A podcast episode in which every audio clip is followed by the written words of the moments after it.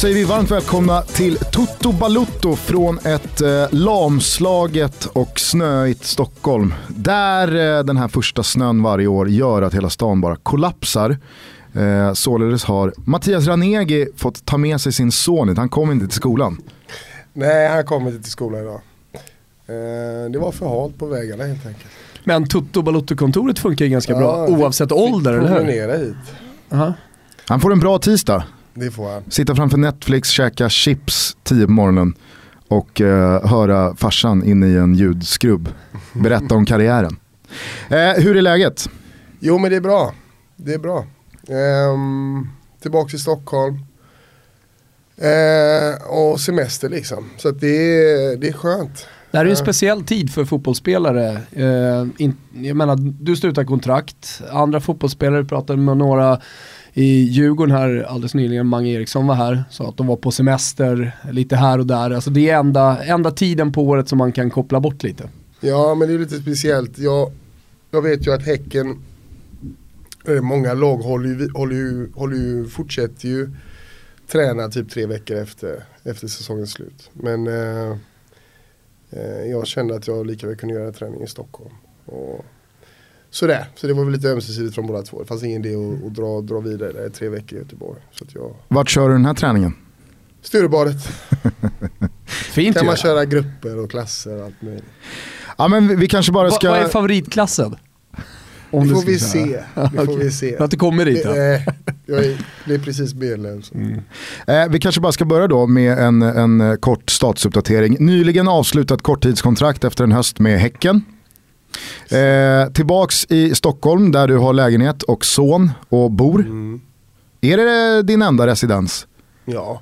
Eller- eller har du- Ja, eller jag har ju ett hus i Mexiko. Just det. Just Men det. eh, ja, det är väl Hur kommer det sig att man har ett hus i Mexiko? Alltså jag förstår Hasse Backe men... Sol, man gillar sol. Framförallt. Nej men jag, jag var väl alltid, alltså man har tjänat lite pengar genom åren så har jag alltid trott på trott på att investera i, i, i, i bostäder framför att ha det på, på ett konto och så har jag alltid velat ha någonting i Sydamerika. Så, så jag var lite inne på Colombia och lite olika ställen men det föll på Mexiko, Tulum. Vad, vad är det, hur kommer det sig att det fall, föll just på Mexiko? Nej men jag gjorde väl lite research och du ska ju försöka hitta någonting som är billigt men ändå som har en bra uthyrningspotential. Det är väl det som är hela, hela liksom, magin bakom det. Och det, det har blivit väldigt bra. Så att det är, Tulum, är, Tulum ligger ju ja, en och en halv timme från Cancun. Och du har ju liksom hela USA som är det kommer ju folk från hela USA och sen har du även Europa. Sen börjar det bli lite populärt att åka till Tulum med. Så att det är ju bra uthyrnings... Det, det funkar ju bra som helst. Men du, Första, du gång, första, gången, eh, första, första gången Ranegi skulle motivera för mig varför han eh, landade just där så var bara anledningen att Pablo Escobar hade kåk i närheten där. Räcker inte det som anledning? Det är lite dragningskraft också. Det är faktiskt lite coolt. Han hade faktiskt sitt, eh, sitt lilla getaway ställe där på Sian Khan som ligger i en, är en biosfär som ligger precis utanför. Eller om man åker igenom Tulum. Och där har jag även varit på, på nyårsfest. Sådär. Det är coolt. I eh, hans, I gam- hans i- gamla villa ja. Hur kom du dit? Nej, Hur du kom dit? nyårsfest. Vi måste ju fråga om festen. Jo men eh, var, var du ute på någon bar i Tulum och frågade vad, vad är den hetaste festen? Alltså någon måste ha Ja. bjudit dit dig. Ja men första gången jag var där så hamnade jag dit random för då var det en tjej som jag träffade där. Som bara, vi ska på efterfest och det är klart att jag hängde med. Och då var, kom vi till... Visste du då att du skulle dit? Nej jag visste inte det. Men så kom vi till en stor villa så frågade jag, vem, vem, vems hus är det här? Men det är ju Pablo Escobars gamla villa. Eh, sådär. Bra start på den, på den kvällen. Så det var, eh, ja alltså han hade ju det och sen Sen har det nu blivit någon, någon av hans sysslingar, alltså hans, ja, någon släkting som har gjort det här då till en hyr ut det och har fester och sådär då. Så det är ju rätt öppet och sen hade de en nyårsfest där förra året som var som man fick köpa för, att- för att komma in. Då var du där. Det var det. Var festerna som man kan tänka sig? Nej, det var de inte. Värre? Nej, nej, nej det var de inte. Eller så. Jag vet hur du, vad du tänker. Men det var en, det var ju lite stökig, stökig nyårsfest helt, helt klart. Men det var framförallt så var det ju en, en jäkligt cool cool atmosfär på alla sätt och vis. Liksom. Jag tänker sådana här silverbrickor. Ja. Det ligger ju inte vindruvor på dem. Nej, men jag, jag fick aldrig se de där silverbrickorna i så fall. Men han hade ett jäkla coolt, man kunde alltså gå i, man kunde, hans basturum, hans sauna, så kunde man liksom titta upp och så var det liksom glas över. Så kunde man liksom se folk över när man satt och bastade. Hade han någon sån här escape? Ja, alltså det var ingen, det var ingen round tour man fick ta där riktigt så. Det var ingen guidad tur utan eh, Det fick man upp, eller det fick man hitta själv så att säga. Ja, pilar dit så. Nej, det var... eh, men man, blev lite tagen liksom. Rätt coolt att stå, stå vid den stranden där han har stått och tittat ut. sig. Men jag tänker eh, Mexiko och Sydamerika, du har rötter i Västindien va? Ja, jag har rötter i Karibien har jag. Som Mm. är, ligger inte så långt från Mexiko egentligen. Eh, dit jag också har varit många gånger. Men jag skulle nog inte köpa, eller åker jag dit så hälsar jag på farmor. Vad, liksom- vad, vad pratar vi då? Guadeloupe heter det. Guadeloupe. Just det. Det slår mig bara nu, jag sitter och tänker att Pablo Escobar känns ju oerhört kompatibel med att ha haft en tiger som så här, husdjur. Mm. Och Men det, lite före, före hans tid? Det, eller, Ja, men det han, känns lite han så här var ska- före tigertiden så att säga. ja, men Tony Montana har väl en tiger i Scarface och det är väl samma tid som Ja, Pablo det Escobar. Det känns i alla fall som att Ragge är det svenska fotbollsproffs som har... App, app, app, app, app. Jag Nej, bryter det redan här. Vi har Chippen- redan berättat om det i Toto Balotto. Chippen var Chippen ju, vid- han var ju så långt gången på Tiger nere i Chippen Dubai. tigergubbe. Han hade alltså köpt, eh, jag vet att han hade köpt eh, alltså, alla förutsättningar. Det vill säga, det, det var beställt eh, köttfrys och, och du vet sådana här grejer. Ja. Eh, när, vad, heter, vad är det hans tjej heter? Oksana. Oksana.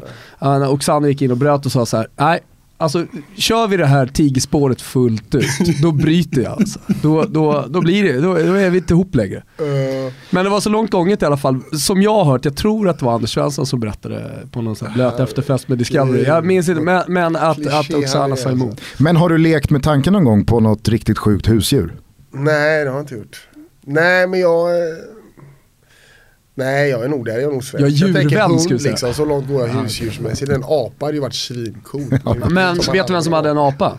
Nej. Och Animal, Edmundo, som spelade i bland annat Fiorentina. Brassen. Han hade ju en, en schimpans. eh. Kommer ihåg ett derby, eh, derby mellan Sampdoria och Genoa på 80-talet. Då gick ju eh, Sampdoria-fansen in med en schimpans med en Genoa-tröja på sig in på planen. Jag vet inte vad man ska lägga i för Det gör de tolkningar där. De gör inte det nu. Ja, ja, vi får väl se om eh, du kanske köper något djur till ditt hus i Mexiko. Det hade varit kul. Vart jag skulle komma någonstans var i alla fall att eh, ett korttidskontrakt med Häcken och all- en allsvensk höst är förbi. Så jävla långt det är från Tiger till korttidskontrakt med Häcken. Eh, hur, eh, hur, hur ser du på den närmsta framtiden? Ehm, Vad tror du händer? Vad vill du? nej men jag vill väl ehm, Jag vill väl hitta någonting, alltså det är så svårt att svara på det. Till att börja med, vill du spela fotboll ett par år till? Ja. Eller är, Jo, men det är, är det ett alternativ nej, att... Men det vill jag, men framförallt så, ja det vill jag. Jag vill komma in i en säsong där jag kan komma in i rätt, liksom vår, höst. Jag har liksom hela tiden, jag har hela tiden kommit in fel. Vilket jag inte vill göra igen nu. Alltså, jag spelade ju Djurgården och sen så hade jag, så var jag i Mexiko så rakt in i Serie A. Eh, Medan de var mitt igång, vilket blev fel. Och sen så gör jag samma sak nu med Häcken. Och jag, vill, jag vill komma in i rätt fas liksom. Komma till, till ett lag som har försäsong. Men det låter ju som att du har motivation att göra ett par, par bra år. För jag kan tänka mig ändå att alltså så här, folk när de kollar på din karriär, att de tänker sig ja men han vill ju kanske casha in två år till. Men det känns ju som att du har motivation att verkligen göra någonting.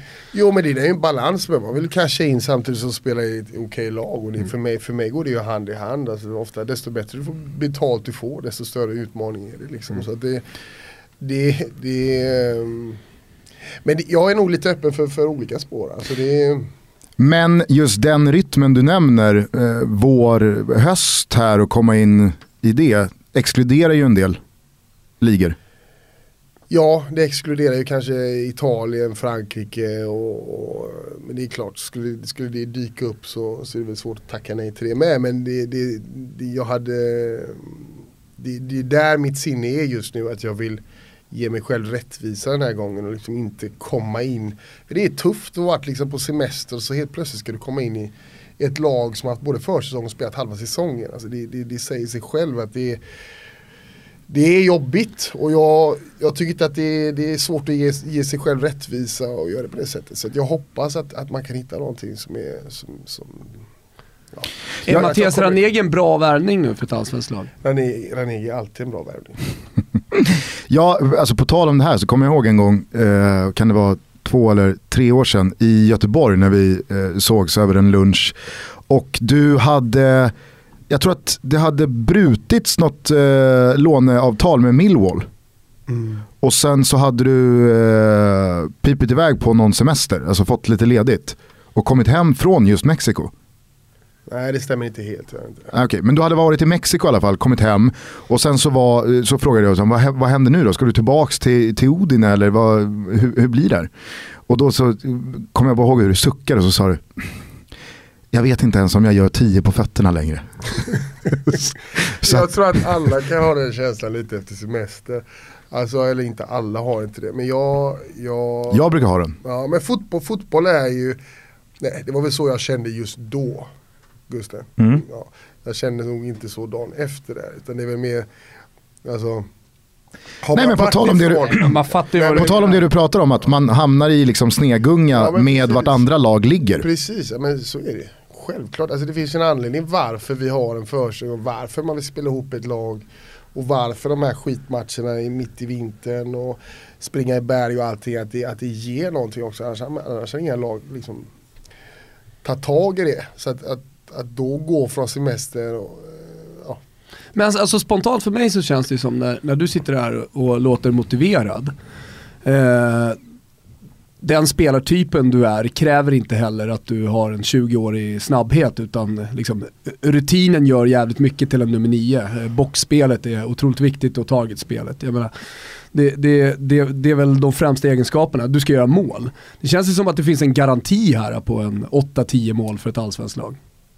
Ja, jag brukar säga det om Victor Prodell, att han, att han sitter inne på en 10 måls garanti. Jo men har du 30 matcher får du spela 25-30 matcher så ska du göra 10 mål. Men det är också, då ska du också vara i fas. Du ska liksom inte du ska liksom inte kämpa i en och en halv månad för att liksom få ett flås utan då ska du vara i fas som laget är. Men en, alla anfallare i Sverige borde göra 10 mål eh, om man har varit startspelare. Från, och det, jag menar, det har jag väl Ja, det ska jag göra fall, annars är jag absolut aldrig nöjd. Det hade ju varit kul ifall den meningen slutade, får man spela 25-30 matcher så är det klart att du ska göra 10 på fötterna.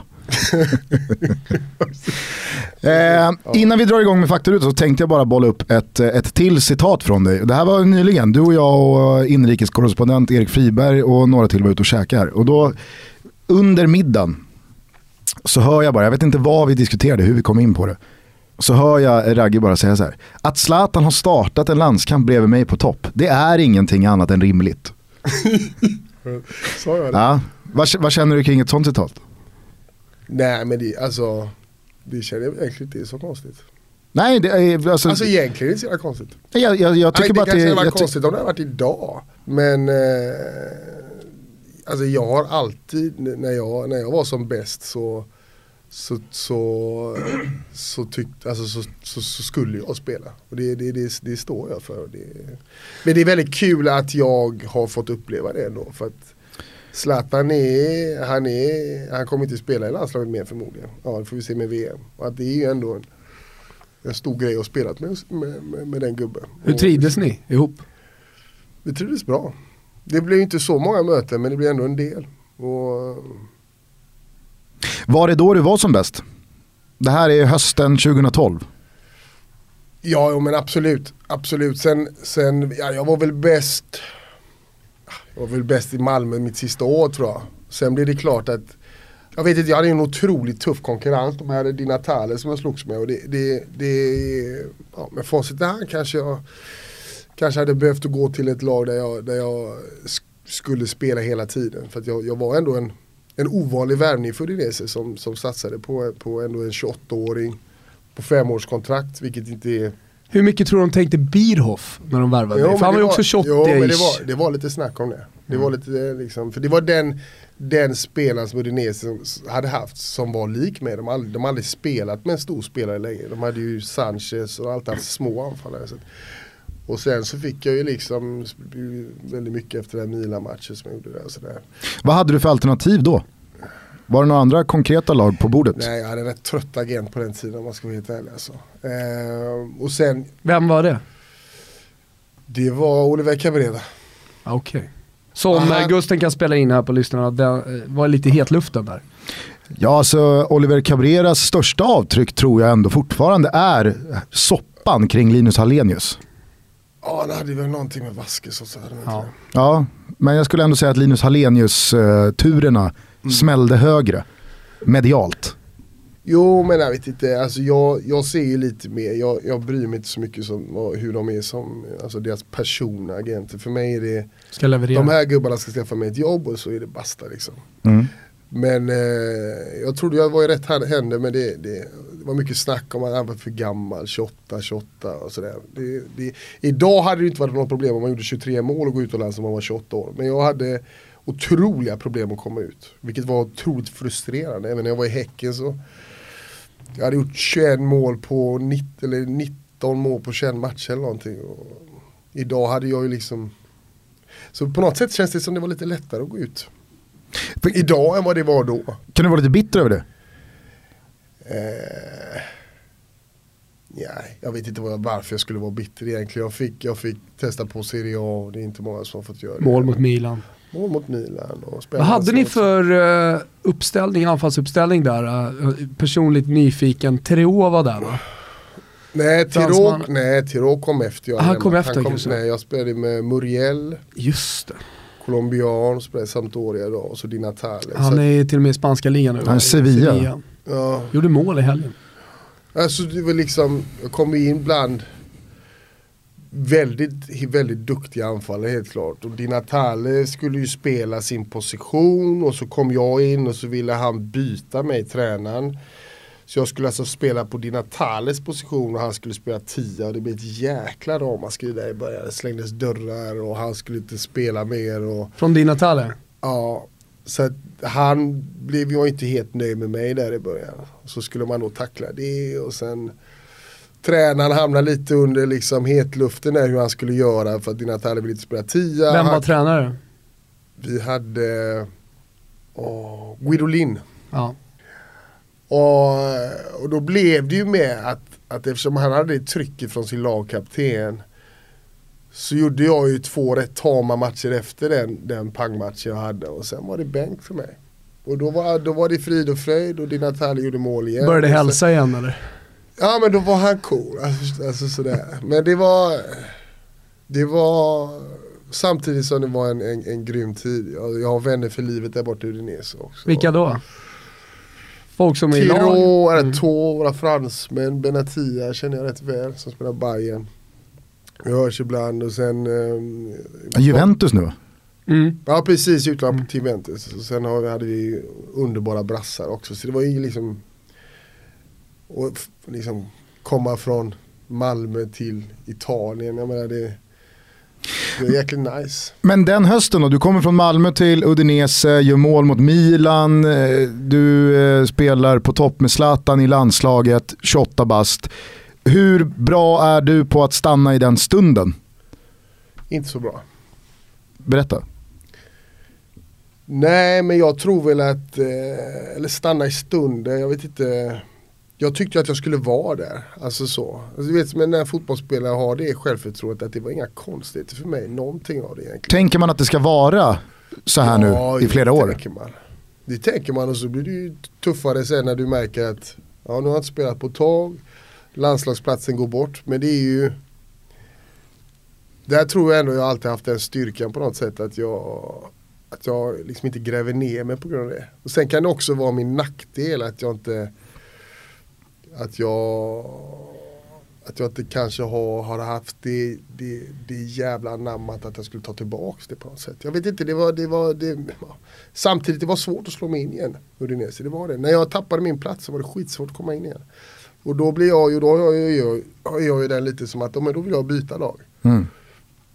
För då kände jag att nu ska jag fan spela och sen så så blir det Watford. Där, där det gick jäkligt bra i början också.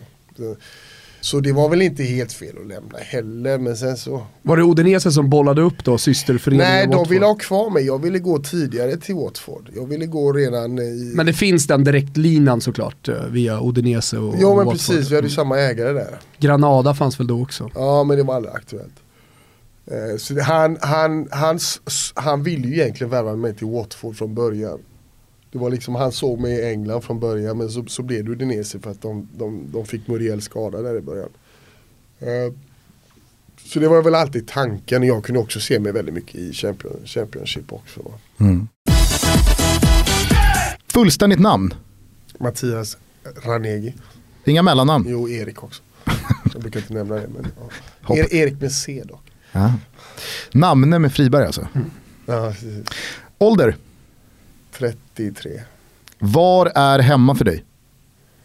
Det är nog bara med Stockholm alltså. Eller Göteborg, ja, det är slash slash slash där alltså. Det måste vara svårt eh, för att eh, vi har ju din son här utanför. Alltså det måste vara svårt att, ha, att, att se någon annanstans som hemma när man har sin son. Jo men precis. en annan plats. Jo, Men när du kommer till Majorna måste du ju känna... jo men precis, det är också hemma. Så jag menar, det är ju, det är ju mitt hem, jag är ju, jag är ju Majorna-kis. Men, men jag, jag trivs ju jäkligt bra i Stockholm. Sådär. Trivs nog bättre i Stockholm än i Göteborg. Jag också märke till att sonen pratar ju stockholmska. Ja precis, ja. Det ja.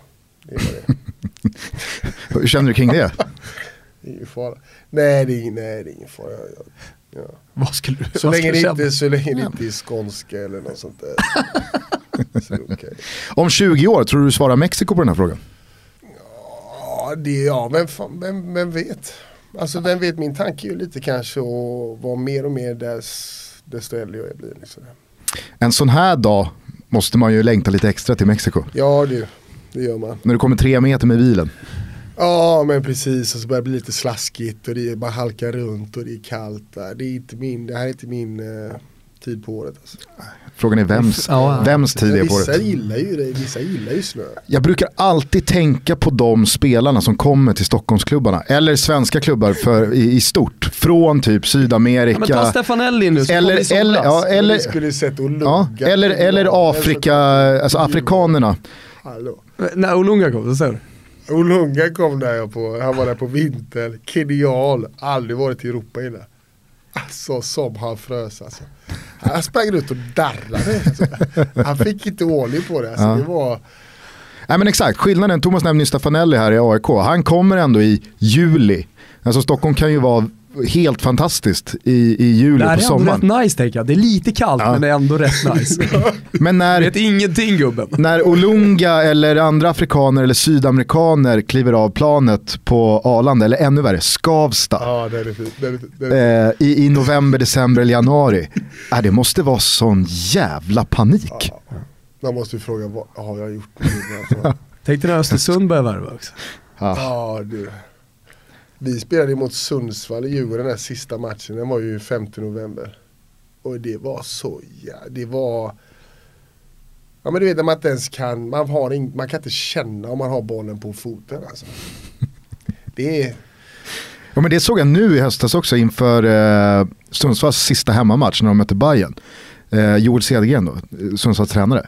Han stod ju klädd då i inför intervjun precis innan avspark. Som att han liksom skulle ut med Ola Skinnamo och Himalayan suit köra någon så här expedition över Antarktis. Han, var, han var klädd för, det värsta kan hända nu. Här. Jag kan frysa ihjäl. Ja, eh, man undrar ju vems eh, typ eh, av eh, te. St- Sverige behöver bygga fler väder. hallar, så är det man. Fotbollshallar. de är dyra dock. Vilka språk behärskar du? Franska, engelska, svenska och en del italienska också. Vilket eller vilka lag håller du på? Eh, Marseille, Mhm. pappa håller på Marseille. Och annars är jag nog, har jag nog inget speciellt lag. Fan den här liksom, Marseille-grejen har jag aldrig, den har jag aldrig hört om förut. Nej, det är ju liksom ingen brinnande passion men det, är, ja, det, det, det, det följer med i arvet på något sätt. Nej, men när du var kid i Majorna, sprang du omkring med Marseille-tröja Nej, då? då höll jag nog på Blåvitt tror jag. Det gjorde För jag. man gjorde det. För man gjorde det, precis. Ja. Men har du varit där? Nej, jag har aldrig varit med. Alltså. Nej. Nej. När försvann då de sista känslorna för Blåvitt? Efter tre månader jag hade spelat i. Nej, jag vet inte. Alltså. ja, rätt snabbt. Nej, men det ja. Ja, det blev någon, någon tag därefter jag lämnade blåvitt kanske. Men vilken jävla match made in heaven du hade varit i Olympic Marseille alltså. Den stan är grym. Mm. Och arenan och laget, nej det... Mm. Fan det där hade... Kanske det då? Där skulle du ha hamnat. Ja, skulle hamnat där. Svårt att säga att jag kan hamna där idag. Men det, Hej. Rätt det agent. är en jäkligt cool klubb alltså. Ja. Eh, finns det något lag som du verkligen inte håller på, som du kanske rent av föraktar? Barcelona, jag har aldrig varit någon fan av dem alltså. Det är någonting som skaver. Ja, det är något som skaver. Det var det. Ja. Någon svensk klubb? Ja, jävligt ingen favoritklubb. Men, eh, jag Ouch. är nog inte den enda som skulle säga det tror jag. Jag har spelat så många tråkiga matcher mot Gävle så det är... Är Gävle den kämpigaste bortamatchen? Nej, nej, det har gått galant mot Gävle. Ja. Alltså så. Det är bara att det är så osexigt att spela mot dem. Va? Vilken är det, den bortamatchen man ringar in i kalendern och känner ah, inte helt fel att vara avstängd där? Eskilstuna borta kanske. Men de har jag faktiskt inte spelat mot borta. Men, eh, nej. Men det är väl ofta nykomlingar. Alltså sådär. Det, det har väl ofta med att det är väldigt få, få, få personer på matcherna. Och liksom ett, ja, de backar hem och sådär. Det blir inte så mycket fotboll alltid. Har du tagit något gult någon gång eller känt av en baksida för att slippa en match? Jag har nog tagit ett gult någon gång ja. Men jag, vet, jag kan inte nämna vilken match det var. Men, men jag har nog gjort det ja. Det, det har hänt. Ja det har hänt. Ja. Men det är lite så också, ibland står man på två. Det har gått 15 matcher, man vet att man kommer få sin tredje. Då kan man nästan vara lite taktisk där med. Ja men vi pratade om det för något år sedan, när, eller något år sedan var väl eh, inte så länge sedan, ett halvår sedan, när Pontus Jansson stod på något liknande. Gula korten följde med i ett eventuellt playoff till eh, Premier League och då var det mycket snack om när ska han ta det? Mm. För han måste vara med i, i playoffet. Så frågade vi honom och då sa han, fan jag kan inte, alla matcher är så jävla viktiga nu för vi måste också samla på oss de här poängen så vi tar oss till playoff. Mm. Slutade ju med att de inte gick dit väl? Nej men, eh, Åkte de på sista match eller? eller för... ah, näst sista va? Ja, Nej, näst sista så var det, det, Ja, men de det åk- fanns någon matematisk de åkte möjlighet, ju- för, möjlighet men Alltså de åkte ju näst sista i, i omgång 45 ja, så missade de. Alltså missar de Playoffet. där. Okej, Ja. tror de slappnade av för mycket när det kändes klart. Jaha, ja. Men just det där, jag minns att Sergio Ramos för eh, något år sedan blev avstängd för att Uefa gjorde bedömningen att han tog ett gult kort som inte var ett gult kort. Och det tycker jag blir så jävla skevt för att om nu reglerna är utformade så, ja men då måste du ju kunna få utnyttja reglerna. Galet. Ja, ja men, det, ska eh, du väl, det ska du väl kunna få göra om du vill göra det. Han sköt undan bollen med flit och så fick han det där gula kortet och så tänkte han bra, då är jag avstängd i nästa match som, inte, eh, som är betydelselös och så, så kan jag spela nästa som är mycket viktigare. Men då klev då, om det var Uefa eller om det var La Liga, jag tror att det var Uefa, jag tror att det var i Champions League, klev då de in i efterhand och bara så här, nej det där, eh, det där får du en match extra för. Det låter ju galet. Ja, ja det, är, det, är- det är liksom så här, det, det, det är ju, Det kan man väl aldrig bevisa? Är det så? ja, de tyckte att de kunde det. Ja, det. Men alltså jag tycker att när, när regelverket är så märkligt utformat så måste ju spelarna kunna få utnyttja det. Mm. Favoritspelare genom alla tider? Eh, Patrik Vieira. Jävla fin spelare alltså. Otroligt fin spelare. Ja. Som numera när det kommer upp eh, den typen Och bra, som är ganska ovanlig. person.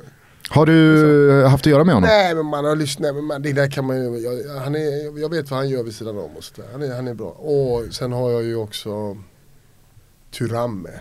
Mm. Thuram. Sen har jag ingenting med min position att göra men jag, jag älskade ju det landslaget på den tiden. Så det finns ju så många att ta på. Men, Men Patrik Vieira, och det är väl ett tecken på Henri att man är stor spelar. Mm. eh, när man jämförs, när nya spelare kommer upp och så jämförs de med dem, nya Pillo. Och, men Patrik Vieira är ju typ en sån spelare, alltså nya Patrik Vieira. Precis, Eh, typ. lång, ja, väl- men ändå- väl gamla Vira på något sätt, de har ju likheter. Men, men uh, ja, fantastiskt bra mittfältare. Jag kommer ihåg när Paul Pogba kom upp Då Ja. var det ju väldigt mycket snack just för lång, gänglig mitt, central mittfältare. Tvåväg. Ja. Och sen det här som vi har pratat om också. Det ska ju alltid jämföras hudfärg, hudfärg av någon konstig jävla Ja, anledning. så blir det. Mm. Sen har ju svarta en annan Svarta har ju ett annat rörelseschema än vad vita har. Alltså sådär, om man, om man tänker på det. Det är lite mer, skulle jag nästan säga, graciöst ibland. Eller så. Lite längre ben och jag menar Pogba, det finns ju inte många vita spelare som skulle kunna som har hans rörelseschema på plan. Liksom. Nej, samtidigt skulle jag nog ändå vilja påstå att Patrik Vieira hade ett väldigt säreget Ja. rörelseschema. Du kunde ju se direkt att det var Patrik Vieira. Men det kan du göra Pogba också. Jo, absolut. Jag menar bara att ingen har ju kommit upp efter Vieira, jämfört med Vieira, men sett ut som Vieira. Utan han har ju verkligen hade ju alltid haft sitt eget är, ID. Alltså, så. Det är ju nästan Ibrahimovic, han var stor Vera, alltså. Mm. Stor men ändå ja, jäkligt bollkänslig. Zidane går väl inte liksom, Zidane är min favorit också. Men det finns Oefterhärmlig. Ja precis. Klöivert var nog det ändå nästan nummer ett för mig. Alltså. Klövert ja. Vem är Fan, favorit? lite bortglömd, är han inte det Klövert? När man pratar om så här, de ja, stora spelarna genom Så stor som tiderna. han var alltså. Klövert tror jag torskade lite på att Barca blev så jäkla mycket bättre post honom. Mm. Att han och hans generation föll lite Kan i glömska. det, Kan nog ligga någonting i det. Men Mm. ja precis, Barca har haft så många bra, men det, Ja, men Barca blev ju liksom någonting annat efter de åren han var där. Barca ja, men Ja. de var inte dåliga när Klöivert spelade. Absolut inte, men de radade ju inte upp liksom Champions League-titlar och ligatitlar på rad i den överlägsna stil som de gjorde sen. Ehm, det vill jag nog ändå tro att det låg lite Klövert i fatet. Mm. Eh, jag skulle säga det, favoritspelare som du har spelat med? Alltså jag var ett stort fan av dina Tala alltså. Mhm. Hittade ni Ja, varandra det- till slut någon gång sådär? Alltså att ni blev Jo polare? men vi hade, jo alltså sådär, han var rätt skön gubbe i omklädningsrummet. Men det, var en superstjärna. Han, han, han, eh, för han var det, för han det funkar inte att någon skulle komma och peta han från sin plats. Liksom. Det, det, gick inte, det gick inte han. Så då funkar ju inte våran kemi vid sidan om. Det, det, han var ju Ja, Han hade gjort 200 mål i Serie A på den tiden. Alltså, så förstår menar? Han, var, han, han, han är en stor stjärna. Sen har han ju alltid varit kvar Udinese. Men han, Han måste ju varit den överlägset hierarkiskt starkaste medspelare du har haft. oh ja. Går det att beskriva hans position i klubben? Jo men han, han var ju bästa kompis med presidenten och han kunde ju, han kunde ju få tränare åsidosatta. Han kunde ju sparka våran tränare om han ville det. Alltså så. Det finns få spelare som har sån makt. Jag tror att han är nog, han, han hade nog, han skulle kunna göra det lättare än vad Ibra skulle kunna göra. För Ibra spelade i klubbar där det kanske, han hade liksom inte kunnat, han spelade så pass så men Di var så mycket större än själva klubben i sig.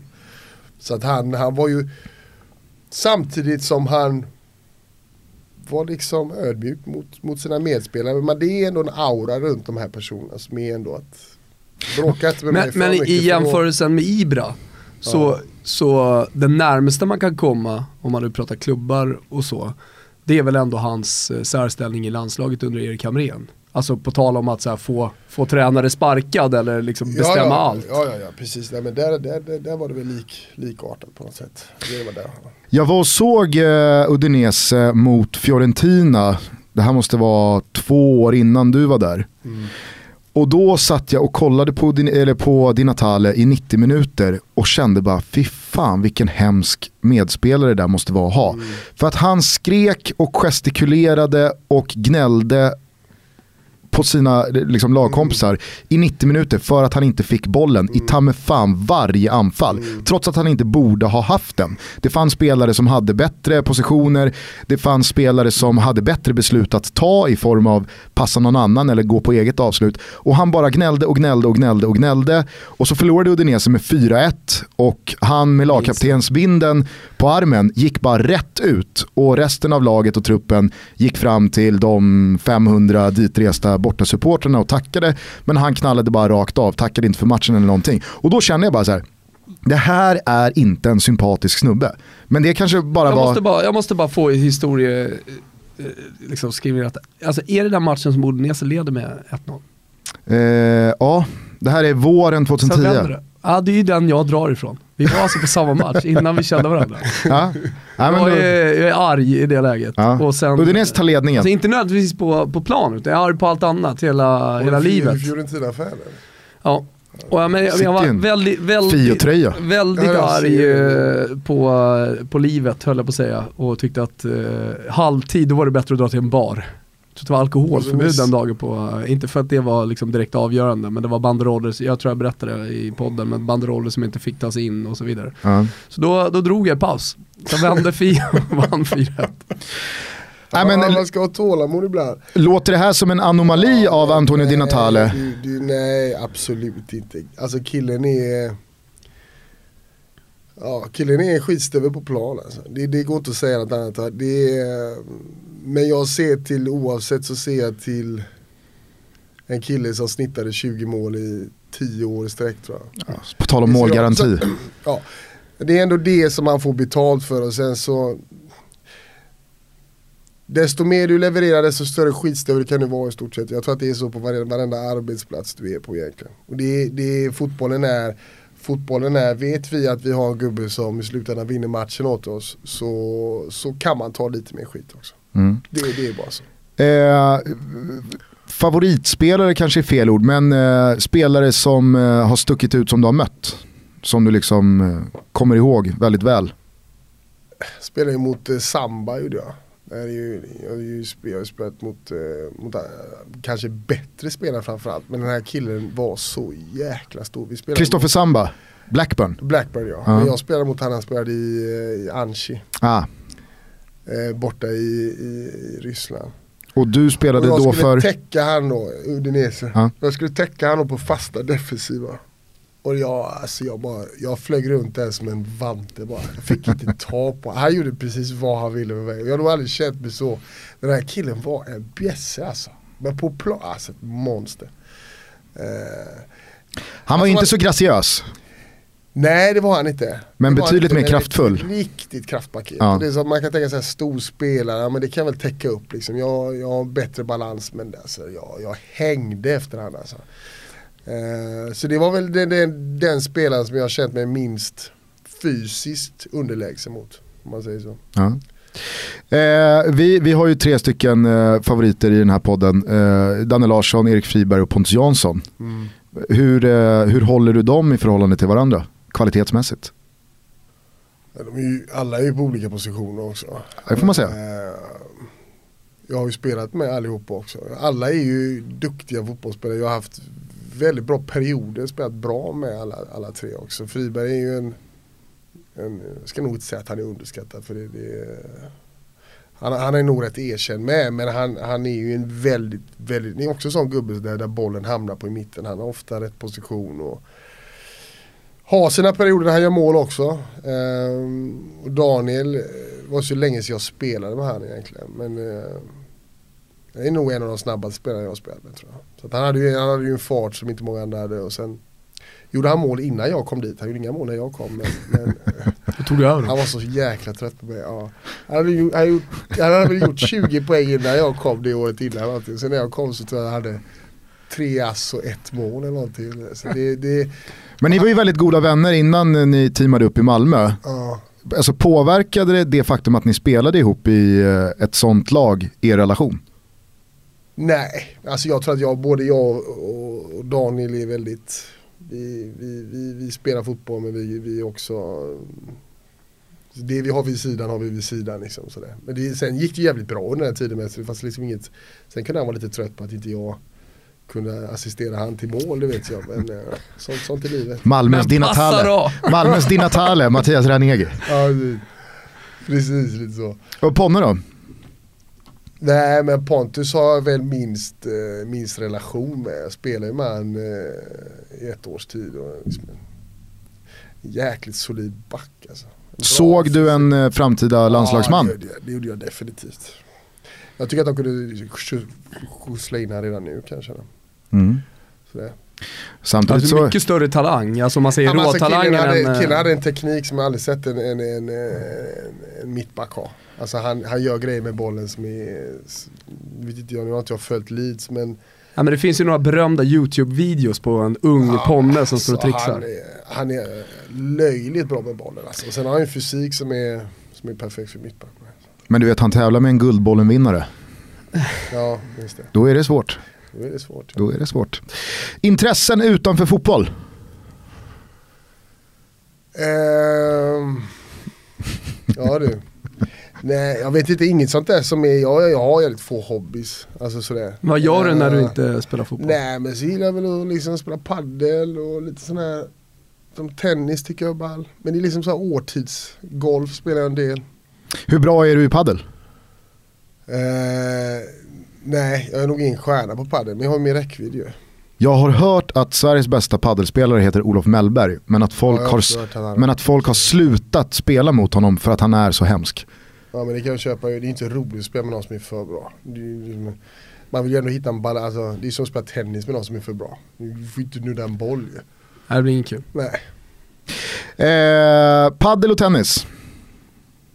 ja. Känns ju så annars, nu känner inte vi varandra men, men spontant av det känns, det känns som en, en person som eh, gillar att eh, umgås, eh, socialisera, hänga med polarna och, och sådär också. Jo, jo men det är väl en självklarhet. Jo det är klart. Det är mitt... Eh. Nej nej jag älskar mina vänner liksom. Köper du eh, liksom den bilden folk som följer svensk fotboll har av dig? Som någon som alltid är på Rish. Nej. Nej men det där har vi redan pratat om. Jag syns ju när jag är på Rish. Alltså framförallt, alltså, liksom, jag, jag gillar att dricka några öl och käka mat. Ibland blir det lite många öl men det, det, det kan alltså balansera livet tycker jag. Alltså, förstår jag menar? Jag, jag, jag orkar inte sitta hemma hela tiden bara för att jag, jag spelar fotboll. Förstår jag menar? Mm. Ehm, Är det värre i Stockholm än i Malmö och Göteborg?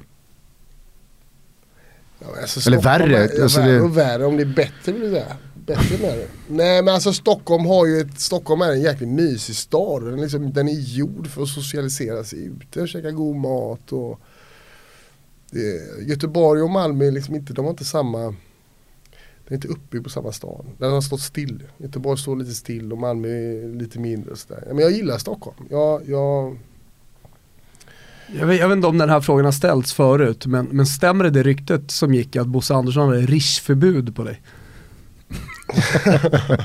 En magisk alltså, jag är klausul. inte ens på Rish hela mycket. Det har blivit en grej att jag är på Rish hela tiden. Jag... eh, Du har ju den här Bermuda-triangeln som Thomas kör. Det var lite, det, han, var, han var väldigt Han var lite orolig för mig i början där, så kan man ju säga. Han, eh, jag kunde sitta och käka mat ute en middag vid nio och så skulle han ringa mig och bara titta att allting var okej och sånt där. Det, jag, jag, vi hade lite dispyter där i början. Jag tycker att jag är, jag är 32 år, jag behöver liksom ingen Om jag vill käka ute så käkar jag ute. Har det varit mycket supportrar som har eh, liksom frontat dig ute? Nej, inte frontat men mer eh, Alltså det är väldigt lätt att se om någon känner igen en. Så det, kan liksom, sen är ju svenskar svenskar. De, de, de kommer fram och säger, säger det ena och det andra när de har druckit. Och när de är nyktra så kollar de bara lite extra. Mm. Klassisk. Men du har aldrig hamnat i någon liksom så här dispyt med någon ute? Jo, det har jag gjort. Men det har jag gjort, men jag tror inte att jag gjort, gjort det i Stockholm egentligen. Alltså så. Det, det, mer i Malmö hände det. Mm. Det var en, någon, någon kille där som, som tyckte att han eh, kunde bestämma om jag skulle vara ute eller inne. Och, sådär. och det var varje gång med. Han var, han, det var som att han hade en GPS på mig. Det- Började du kolla bilen? Började du så här svepa bilen Ja, underifrån? Nästan liksom. Nu har han gjort någonting. Jag vet att han var med, han var på Erik Friberg också. Ja, men han var ju liksom, det var lite, det var för mycket. Alltså det, det, det, men de flesta i, de flesta ser man ju inte om och om igen. Utan det är ju, om man ska vara helt ärlig så de flesta tycker bara det är kul att träffa. Mm. Alltså så. De flesta är schyssta och tycker det är kul att slänga fotboll med. Kanske inte alltid i Rish. Jag har ju bilden av, alltså du har ju din Bermuda-triangel. Rish, Sturehof, East. Du är portad på East. Nej, jag var där nu med halva italienska journalister. De har släppt, de har släppt. För i, i tre år var det ju, Dörrvakter. i tre år var det ju bara liksom, Trevligt. från, från alltså 5-6 meter, inom 5-6 meter Ja. så var det bara alltså, Nej, nej, nej Thomas. ena, ena killen som jobbade Försök som inte som var, som var med och portade, han, han är ju Rönninge-kille, vi är uppväxta på gatorna bredvid varandra. Men han var liksom tvungen eh, i det läget. Men eh, han, han slutade, köpt kåka bredvid mig nu. Så vi ska bli grannar, försonas. Han ringde igår och frågade eh, om vi kunde prata om hem och skola, så jag ska ringa honom efter det här. Och berätta om skolan. Du vet att du även är portad 100 meter upp på Kungsgatan på eh, den här trattorian, Rigoletto Ja men uteserveringen. vi har rätt ut det. Har du det? Ja. Där hamnade ju Thomas i går dispyt med... snacket när du ska reda ut det då? Du, jag kan säga så här, innan Ja, Thomas... det så här, istället för 10 bärs in så får det vara mail 3 då. bärs in, då är man... då Ja, är man ja, ja. I- Ni, ni, får aldrig höra det här i, i, i Stockholm att du, kan få, du får ta ett varv. Har du fått höra det? Ja, alltså det var mer förr. Kasinot. De är hårdare nu. Ta- Kasinot, ta kasinot brukar Nej, köra den. men- men- Ta ett varv och en kaffe på 7-Eleven. Vem gör det? Ja. Alltså, jag har väl också gjort det, men alltså vem gör det? Vem blir När var se- när var- på fem minuter? När var senast du tog ett varv? Nej men alltså varven går inte jag på, alltså jag skulle aldrig gå ett varv längre. Jag hade sagt jag tackar för mig. Ja. Eh, Jag det är vet sån bara, här ungdomsgrej när man är Ja. lite för Nej nej, då, på. då Ja, men tackar jag, man. Det här kommer gå, jag tar ett varv och så dricker ett glas vatten. Och så. så naivt att vara där. Åtta minuter, åtta minuter senare. Tjena! Ja, då, skönt med frisk luft. Nu ringde han precis också, nu vill han prata hem och skola. Dörrvakten. Jaha. Ja. Men du är inte portad på något ställe? Nej. Den nollan är intakt? Ja, nej inte vad jag vet. Fan förstör inte min det. broderbild som jag byggt upp här och, Gusten. Fan också. Eh, en person utanför fotbollen som du ser upp till av olika anledningar? Ja, vem kan det vara? Så det är sådana här frågor får du ställa mig innan så jag kan tänka Farmor. ut dem alltså. Nej, jag ska säga någon sån här tråkig farsa liksom. Han har väl inte varit helt rätt som farsa men jag tycker ändå han är Han är liksom en, en bra version av mig på något sätt. Hur är du som farsa? Jag är nog en bra pappa tror jag. Ja. Jag är nog en bra pappa. Sen kan man alltid vara bättre pappa men jag är nog eh, Jag är ingen curlingpappa på något sätt. Nej. Och det är väl det tycker jag är nice. Nej men jag är rättvis och jag har bra pli på min pojk. Liksom. Sitter det en fotbollsspelare här ute? Han är rätt duktig alltså. Vänsterfotad också. Det är bra. Så det kan bli något bra va. Vart spelar Men han? det dumma är att han spelar i uh, Ursvik. Ja. Eh, så han vill spela, börja spela i AIK nu men jag vet liksom inte hur jag ska Komma ner till träningen. Eh, det, Han prövade i Djurgården men det, det funkar liksom inte för att Hans mamma bor så långt bort och hon har inte bil så det funkar liksom inte det, det, det praktiska. Det är det, det som är lite Sen tycker jag att det är kast att barnen inte spelar fotboll på vintern i stort sett. Ni vet jag, säkert om man sätter får in på BP så, så har de väl så men de flesta kvartersklubbarna har ju inte, de spelar ju inte på vintern. Nej liksom. men det är ett politiskt beslut som är Vi taget. kickade ju boll in i inomhushallar och sånt där hela vintern. Ja, men det är ett politiskt beslut som är taget, eh, tyvärr. Eh, så att eh, trötta föräldrar som är tränare kan luta sig mot det. Eh, fotboll är en säsongssport i Sverige, fortfarande, tyvärr. Och det är så. Ja, och eh, framförallt så blir det så när halvtider ska delas ut så är fotboll, ses fotboll som en eh, säsongssport. Det är därför man nu då börjar prata om att starta ännu fler eh, futsallag som då är en inomhussport, vilket gör att man kan börja konkurrera med pingisen och alla andra Ja. sådana här små innebandy, obetydliga idrotter. Eh, och, och få halvtider. Ja. Nej men jag, det är någonting som jag, jag, är, jag är tränare för min dotters lag och alla tycker det är så jäkla kul att spela fotboll. Nej, men det var en kul slash bara på pingis. Det är betydelselös sport.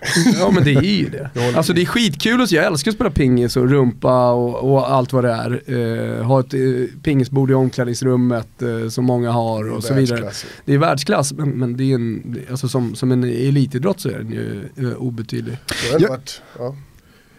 Nej men då har ändå Sverige varit liksom den jäkligt stora i pingis. Ja, och du har väl fan spenderat, du har väl spenderat tid i ditt liv i ett land där pingis är liksom Ja. Religion. Hade, konstigt ord hade vi ingen liksom pingisbord i, i den eh, tränings... Man tror ju att alla kineser spelar pingis. Ja det gör det man vet verkligen. jag fortfarande inte om det är så. Eh, jo, jag var bara nyfiken på det angående eh, papparollen där. Noah är 9, Tio. 10. Hur, eh, alltså, hur, hur eh, ser han på dig? Har han koll på, för jag tänker att han är 10 bast, han spelar fotboll själv.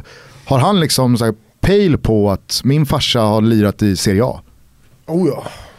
Nej men han har otrolig koll. Sen är ju... Sen, är det, vet, tioåringar är väldigt mycket så här med liksom pengar och Zlatan och... Hur, alltså liksom så här, hur, ser, han, hur ser han på att du har startat med Zlatan i landslaget? Han tycker det är rätt coolt. det kan jag tänka Han mig. tycker det är rätt coolt. Det är ju hans kompisar tycker det också. är- Skarvar du ibland gentemot grabben och hans polare? Bre på lite extra? Behöver jag ens göra? Nej. Men sen är det så här, alla är ju AIK också. Så att jag, det är ju, han, han går ju i AIK. Så att jag får ju lika mycket ris som jag får ros. De är rätt på om jag har haft en dålig match så, så säger de till Noah. Sådär. Det går liksom inte. Kan han ta det? Ja, han kan ta det. Han sa ju någon gång, han sa ju någon gång, eh, ja, jo, men vad gör din pappa då? Det sa jag till Noah, du kan inte säga så.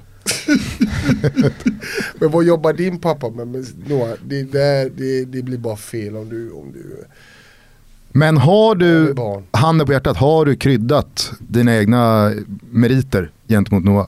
Nej, det har jag inte gjort. Behöver väl inte kryddas? Ja, men fan. precis, det det precis, Djurgården, då är man ju... vad, ska, vad ska jag krydda då?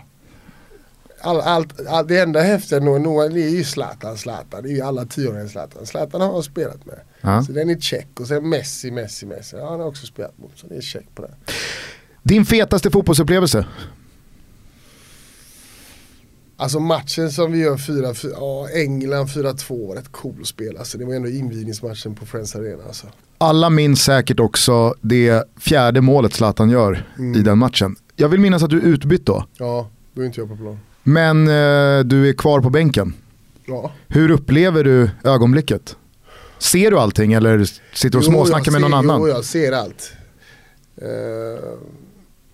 nej, men det, är- det, det, är ett, det är ett sjukt mål. Sen är det ju, alltså som spelare så är det ju det är klart att jag imponeras av hans insats men det är inte så att jag, jag blir varm i hjärtat. Alltså förstår du vad jag menar? Det är hans Det var hans moment och jag, det var jävligt coolt att få uppleva det. Alltså på sätt och vis. Men det, Jo men jag tänker att då har du spelat fotboll i ganska många år och det känns som att väldigt mycket som sker på en fotbollsplan har, man- har man varit med om förut.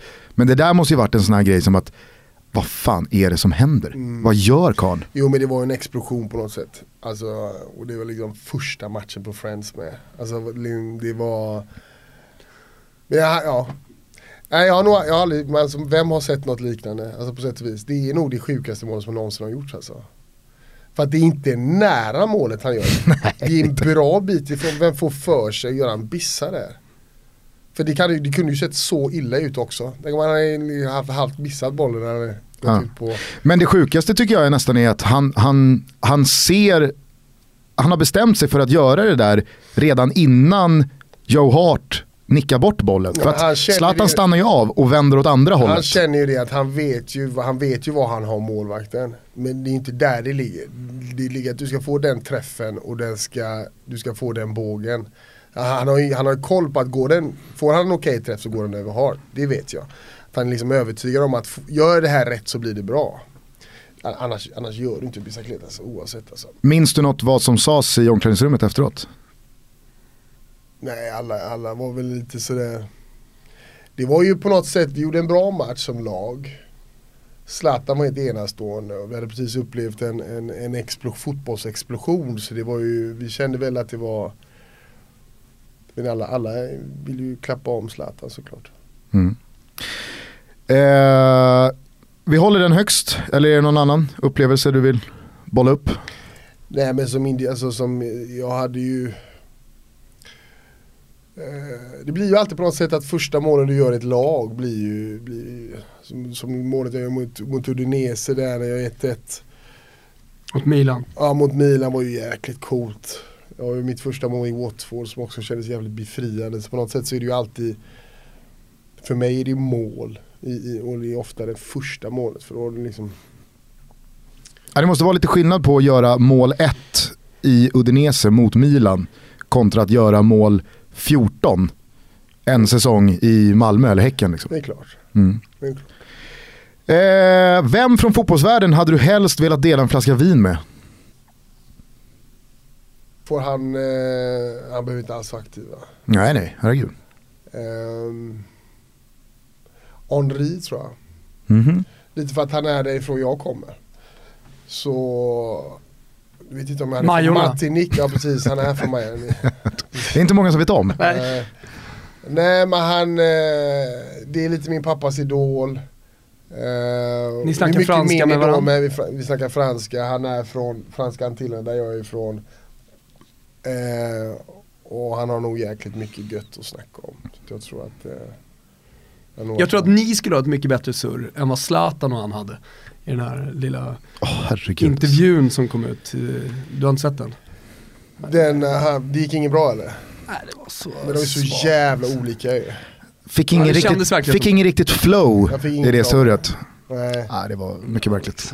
Zlatan skulle vara lite sådär, Zlatan kaxig och Henri känns ödmjuk och ställer frågor och så blev det bara Han kan liksom inte gå ifrån det eller? Han kan liksom inte bara vara naturlig eller? Nej men exakt, man har ju någon slags... men- i alla fall. Men alltså Man har ju någon slags förståelse. Med journalister, Ja. lite rolig grej. Men alltså när du möter en spelare som du ändå är jämlik med. Mm. Men han Det tittar, ju inte ens, fattar han vettigt. tittar ju inte ens på Henri när han svarar. Det är jävligt lustigt. Ja. Eh, har du eh, tagit något glas vin eller eh, delat en flarra med någon sån här gammal legend? Nej alltså det får ju Di Natale ha druckit vin med.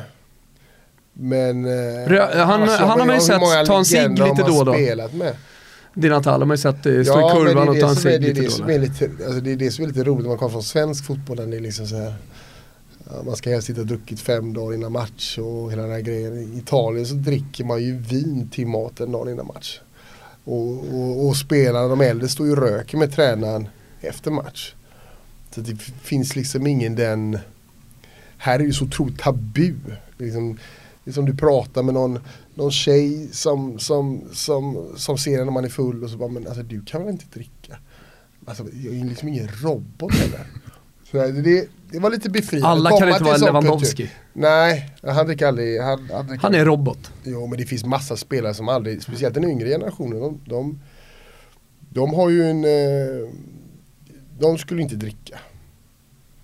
Hur många cigg skulle du säga att Di Natale tar per dag? Ja men han rökte alltid efter lunch och sånt där. En 10 säger Innan jag, halv pack. Men den gubben hade ju också, han Röda tränar ju, han tränar ju bara fredag, lördag med laget. Och då var, det, då var det ofta taktik och sen match på söndag. Så innan det hade han en egen personlig tränare som han körde lite snabba fötter med och lite avslut. Så att han var ju bara, vi tränade bara med han två dagar i Är det sant? stjärnstatus. Ja. Så hade han sin egen gubbe som han gjorde träna med vid sidan. Alltså då förstår man ju ändå lite varför han aldrig gick till Juventus eller eh. Milan. Så här, då, då skulle det nog komma så här, du ingen sig.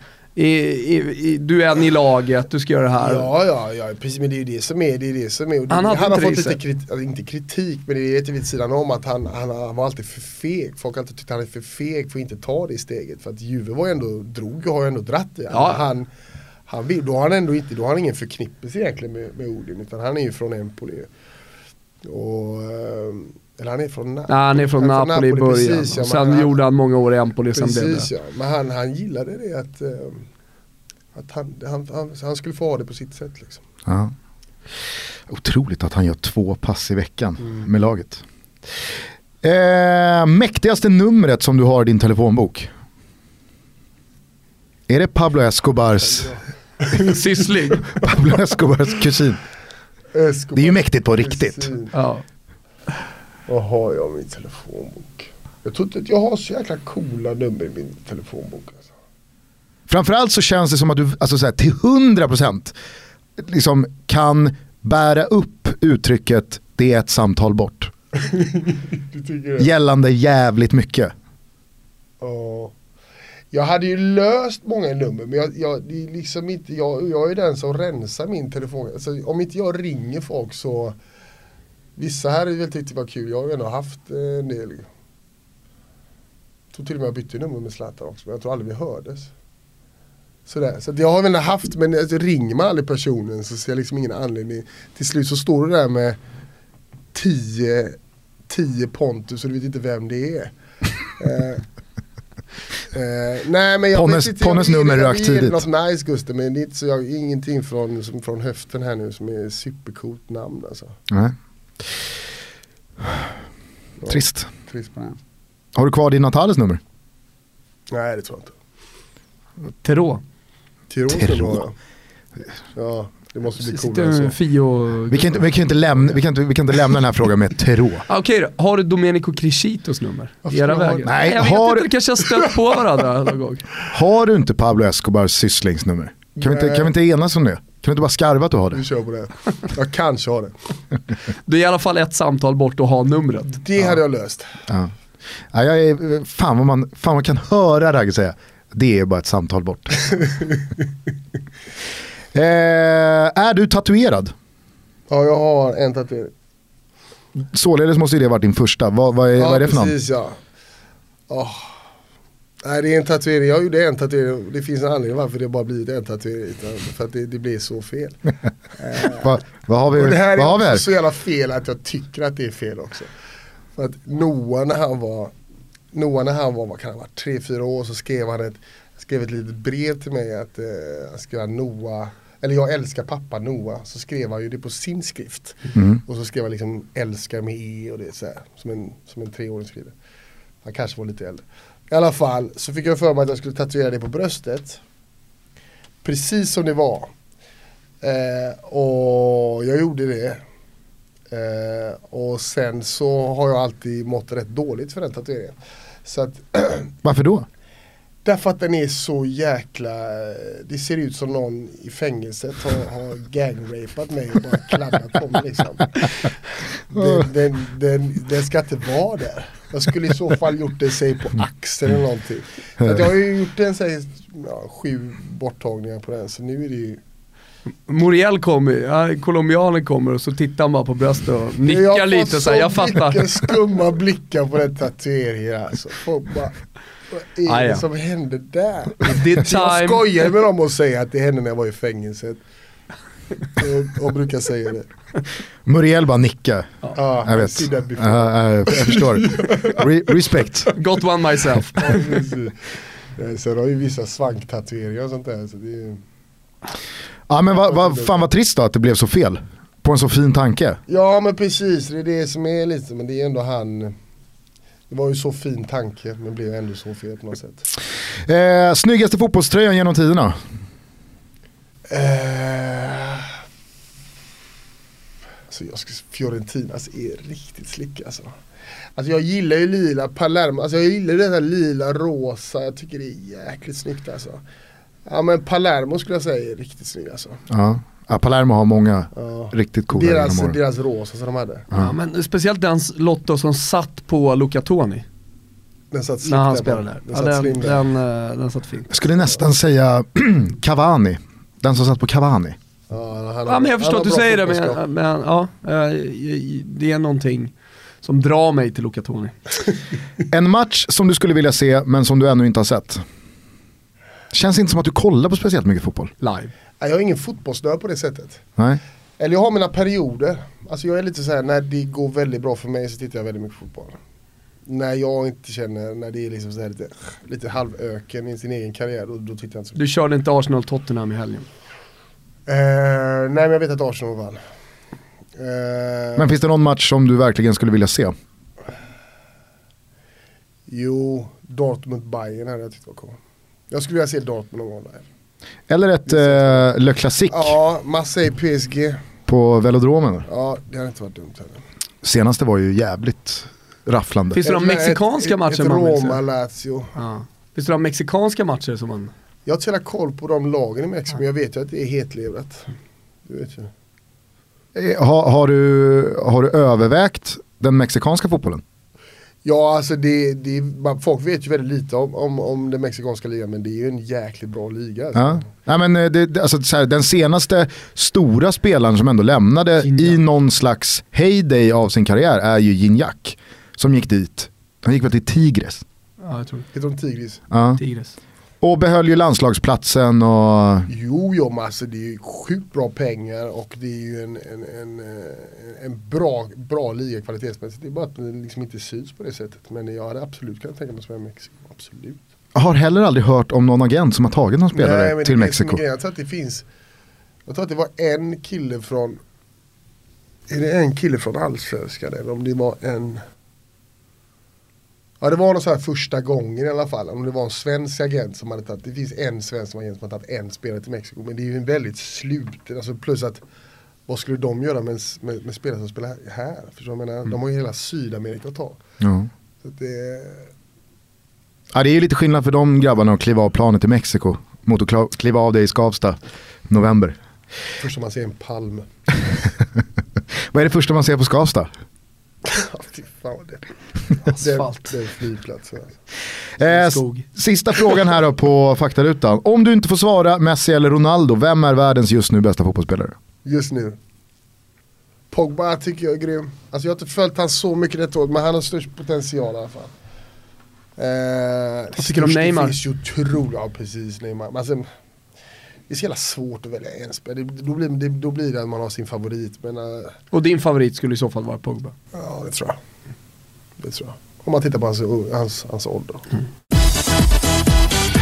Den 12 december, då kör vi vår andra nätverksträff tillsammans med våra polare på Business Event Network. Vi kallar oss för Ben Tutto och det här affärsnätverket, det är härligt att vara med i.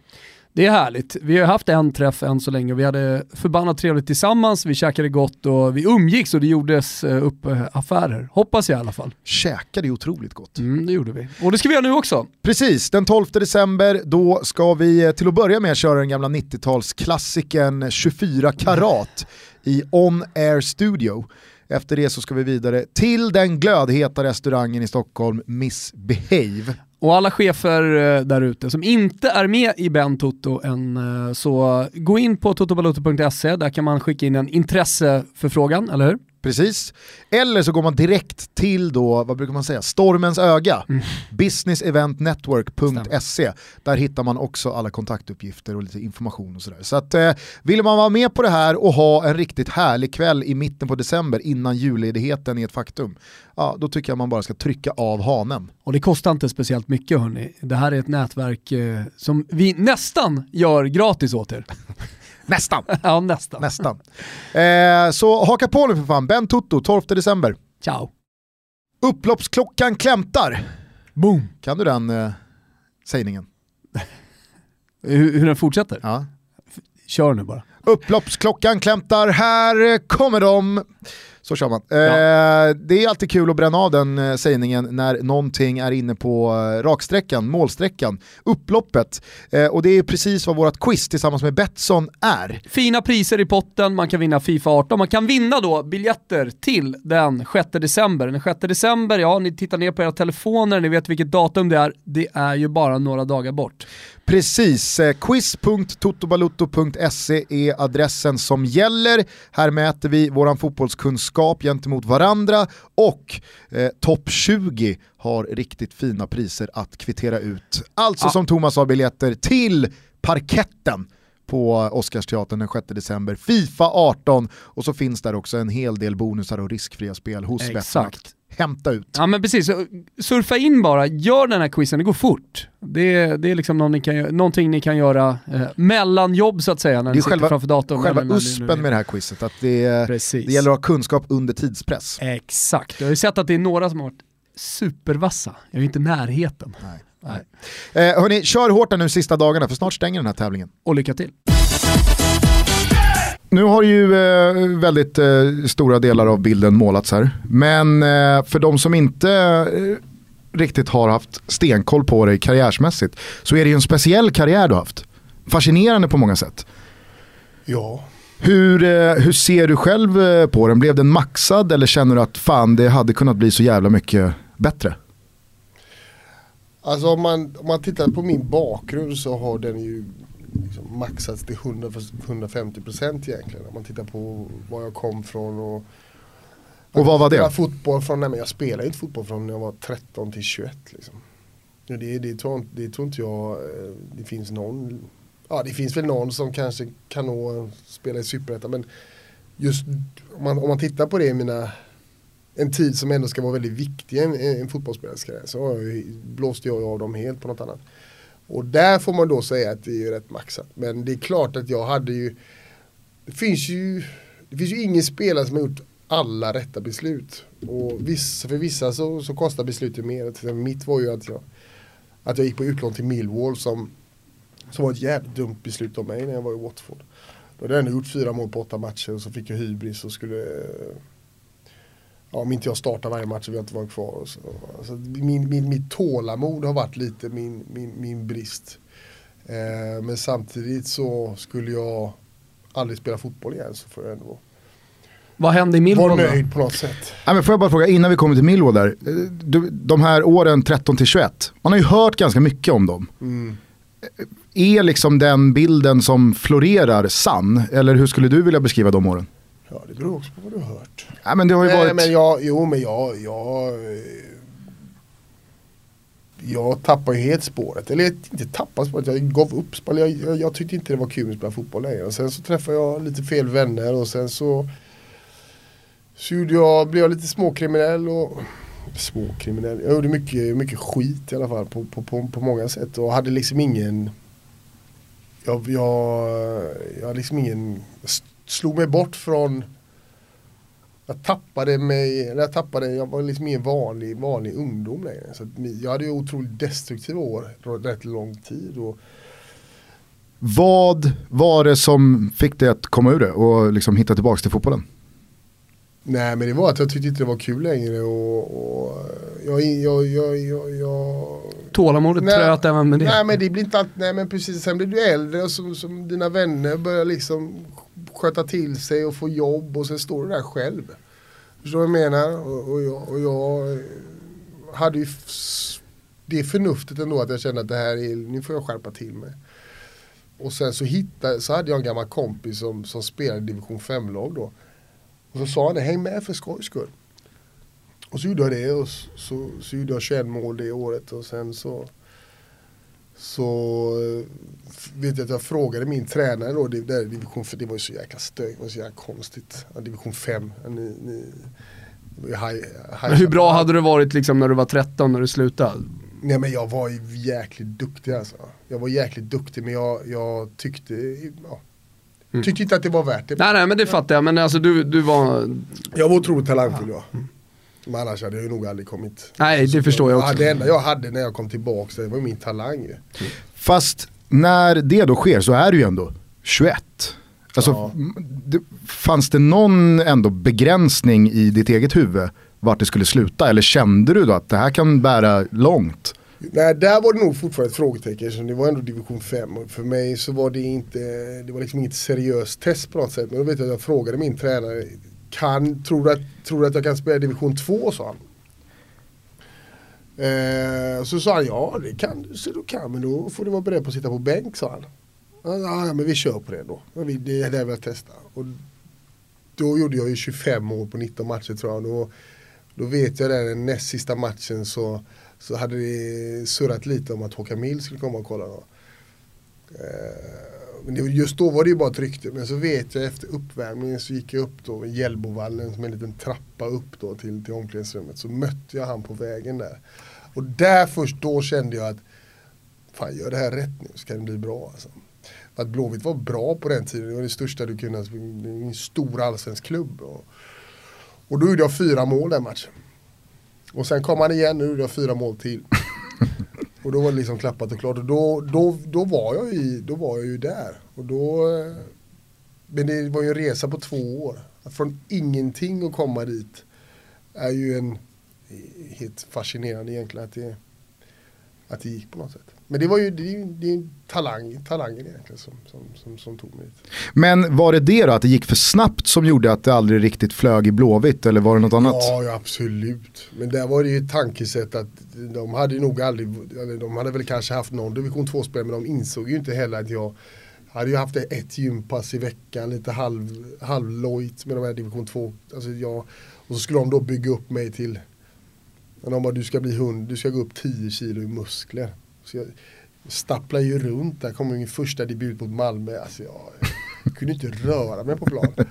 Eh, och, och så, här, ja, så fick jag ju en knäskada på grund av påfrestning. Så, där, så det blev ju helt fel, de skulle tagit in mig mycket långsammare i det. Men det, det var ju också i fotbollen så är det ju ofta så att alla ska köra samma. Så Ska vi, var det svårt att ställa om livsstilsmässigt? För det är ju också en, en ganska så snabb omställning. Från två säsonger i amatörfotboll till Kamratgården.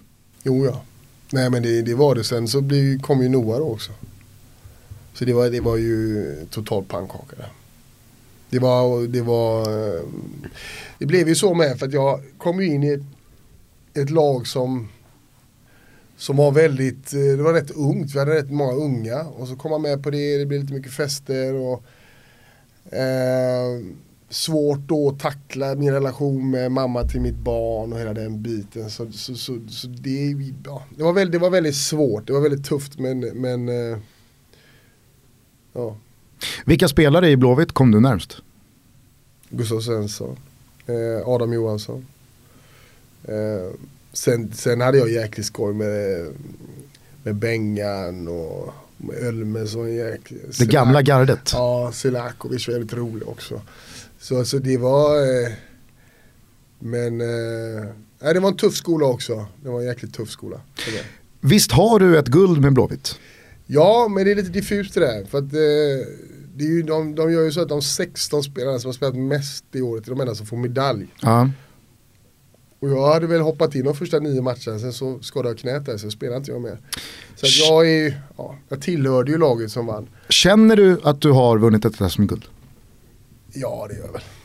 Jo men det gör jag väl. På grund av att jag visste, hade jag inte skadat mig bara så hade jag det ju som att ja, de spelare som har gjort 10 eh, mål på 15 matcher så går han sönder och, så, då ska inte han vara Ja precis, och var går gränsen menar, var, i så fall? Var, var går gränsen på det på något sätt? Jag, ja, nej, alltså... jag tycker att alla som varit med i truppen ska, för det är den truppen som vann guld. På, det är lika Samtidigt som jag tycker att, och hela den skiten. Samtidigt som jag tycker att det, det handlar ju också i slutändan om vad man själv känner.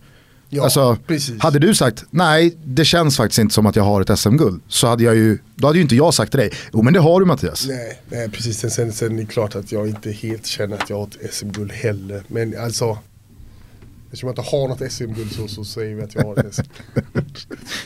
Aldrig skarvat. Ja, Aldrig skarvat. eh, sen så blev det ju eh, Häcken innan ja. du landade i Malmö. Känner du att liksom jag var i Holland faktiskt. Go, ah, ahead, Eagles. Go ahead Eagles en snabbis där. Hur fan hamnade du där? Jag har varit eh, i Deventer på var den arenan och kollat en match. Var det Ja.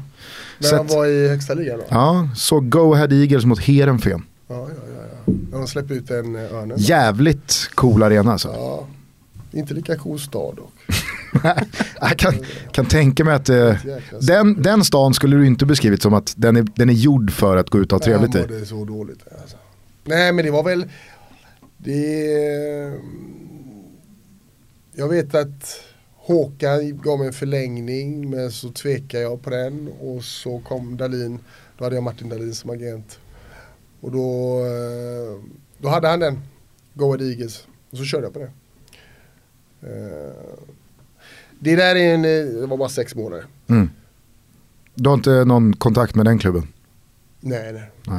nej. Eh, häcken Malmö, det jag skulle landa i var att, liksom, känner du att du, för jag menar kollar man på de säsongerna, kollar man på de siffrorna, så är det ju, det är ju oerhörda siffror alltså. I Häcken? Ja, och Häcken och Malmö, så mål och matcher. Mm. Eh, känner du att du fick det erkännandet som de siffrorna ska generera i? Jo men absolut. Absolut. Eller Jo men sådär, man lever ju inte på, sitt, på sina meriter fast samtidigt man gör man ju det också. Jag vet ju vad jag har åstadkommit. Jag vet ju att jag, jag, jag var en, eh, en jävligt het spelare då. Alltså förstår du vad jag menar? Sen har jag ju Sen har jag ju, så det är så jävla svårt för det, det ligger liksom nära tiden med. Men sen när man har liksom varit i andra klubbar så, så, så tynar det bort på något sätt. Men det är klart att jag är erkänd som fotbollsspelare. De flesta vet vem jag är. Um... Ja, det säger jag inte att liksom här, man inte vet. Jag, jag, menar bara att sett till de siffrorna, du vinner skytteligan, du öser in mål.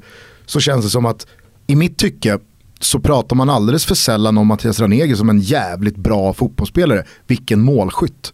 Utan det är alltid lite asterisker och lite brasklappar och lite, ja ja, jo jo men.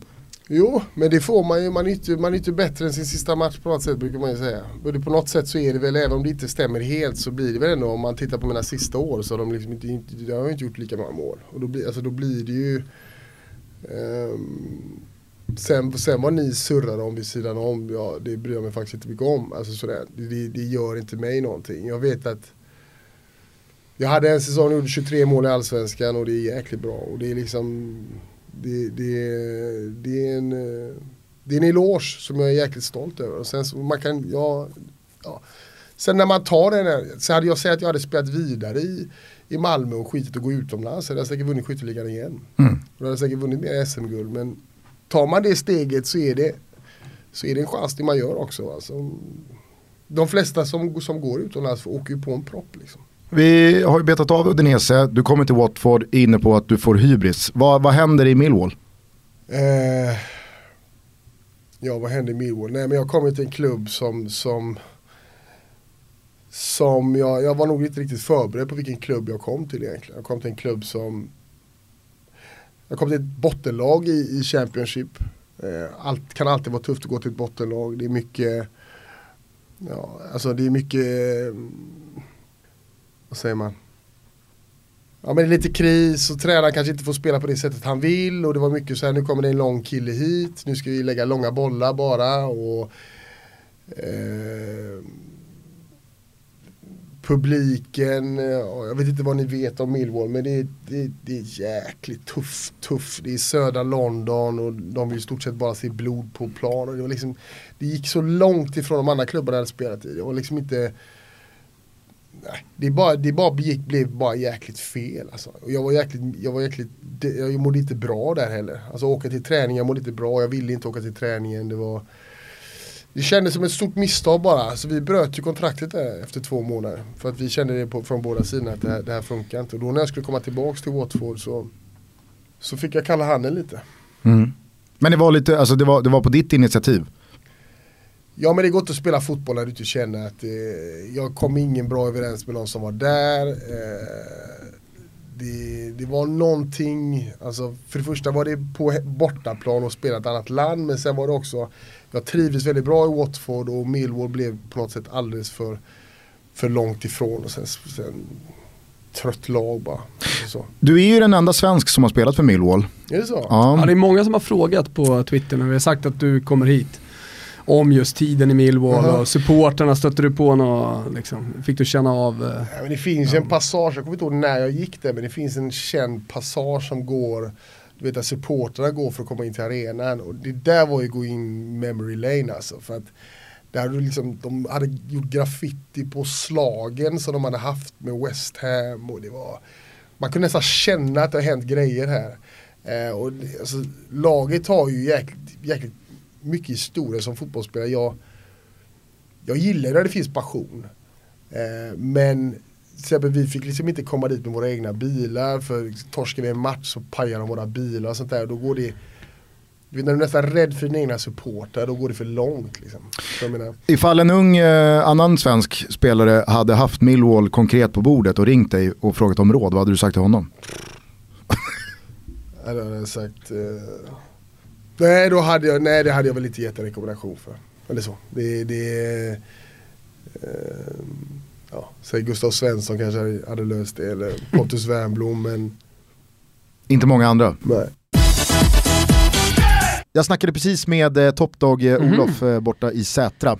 Vad säger han? Ah, han har ju så... Han, han har, sår, han hämtat sig eller? Han har såriga händer, han står ju och packar för fulla muggar. Ja. Snittar två och en halv timme sömn per natt. Han står bara och packar och packar och packar och packar. Ja, men har man varit tokig, har man varit knäpp i skallen, då får man skylla sig själv. Mm. Och värre kommer det ju bli va? Aha. För att han har ju fått en riktigt knasig idé här nu. Aha. Han har öppnat upp eh, för en vinnare till, till Hamburgresan som vi ska göra oh, tillsammans med Grand Frank i vår. När vi ska träffa Albin, gå på fotboll, gå på reeperbahn, göra massa roliga saker va? Vi ska se Die Rotenhosen. Framförallt. Ja. Ja.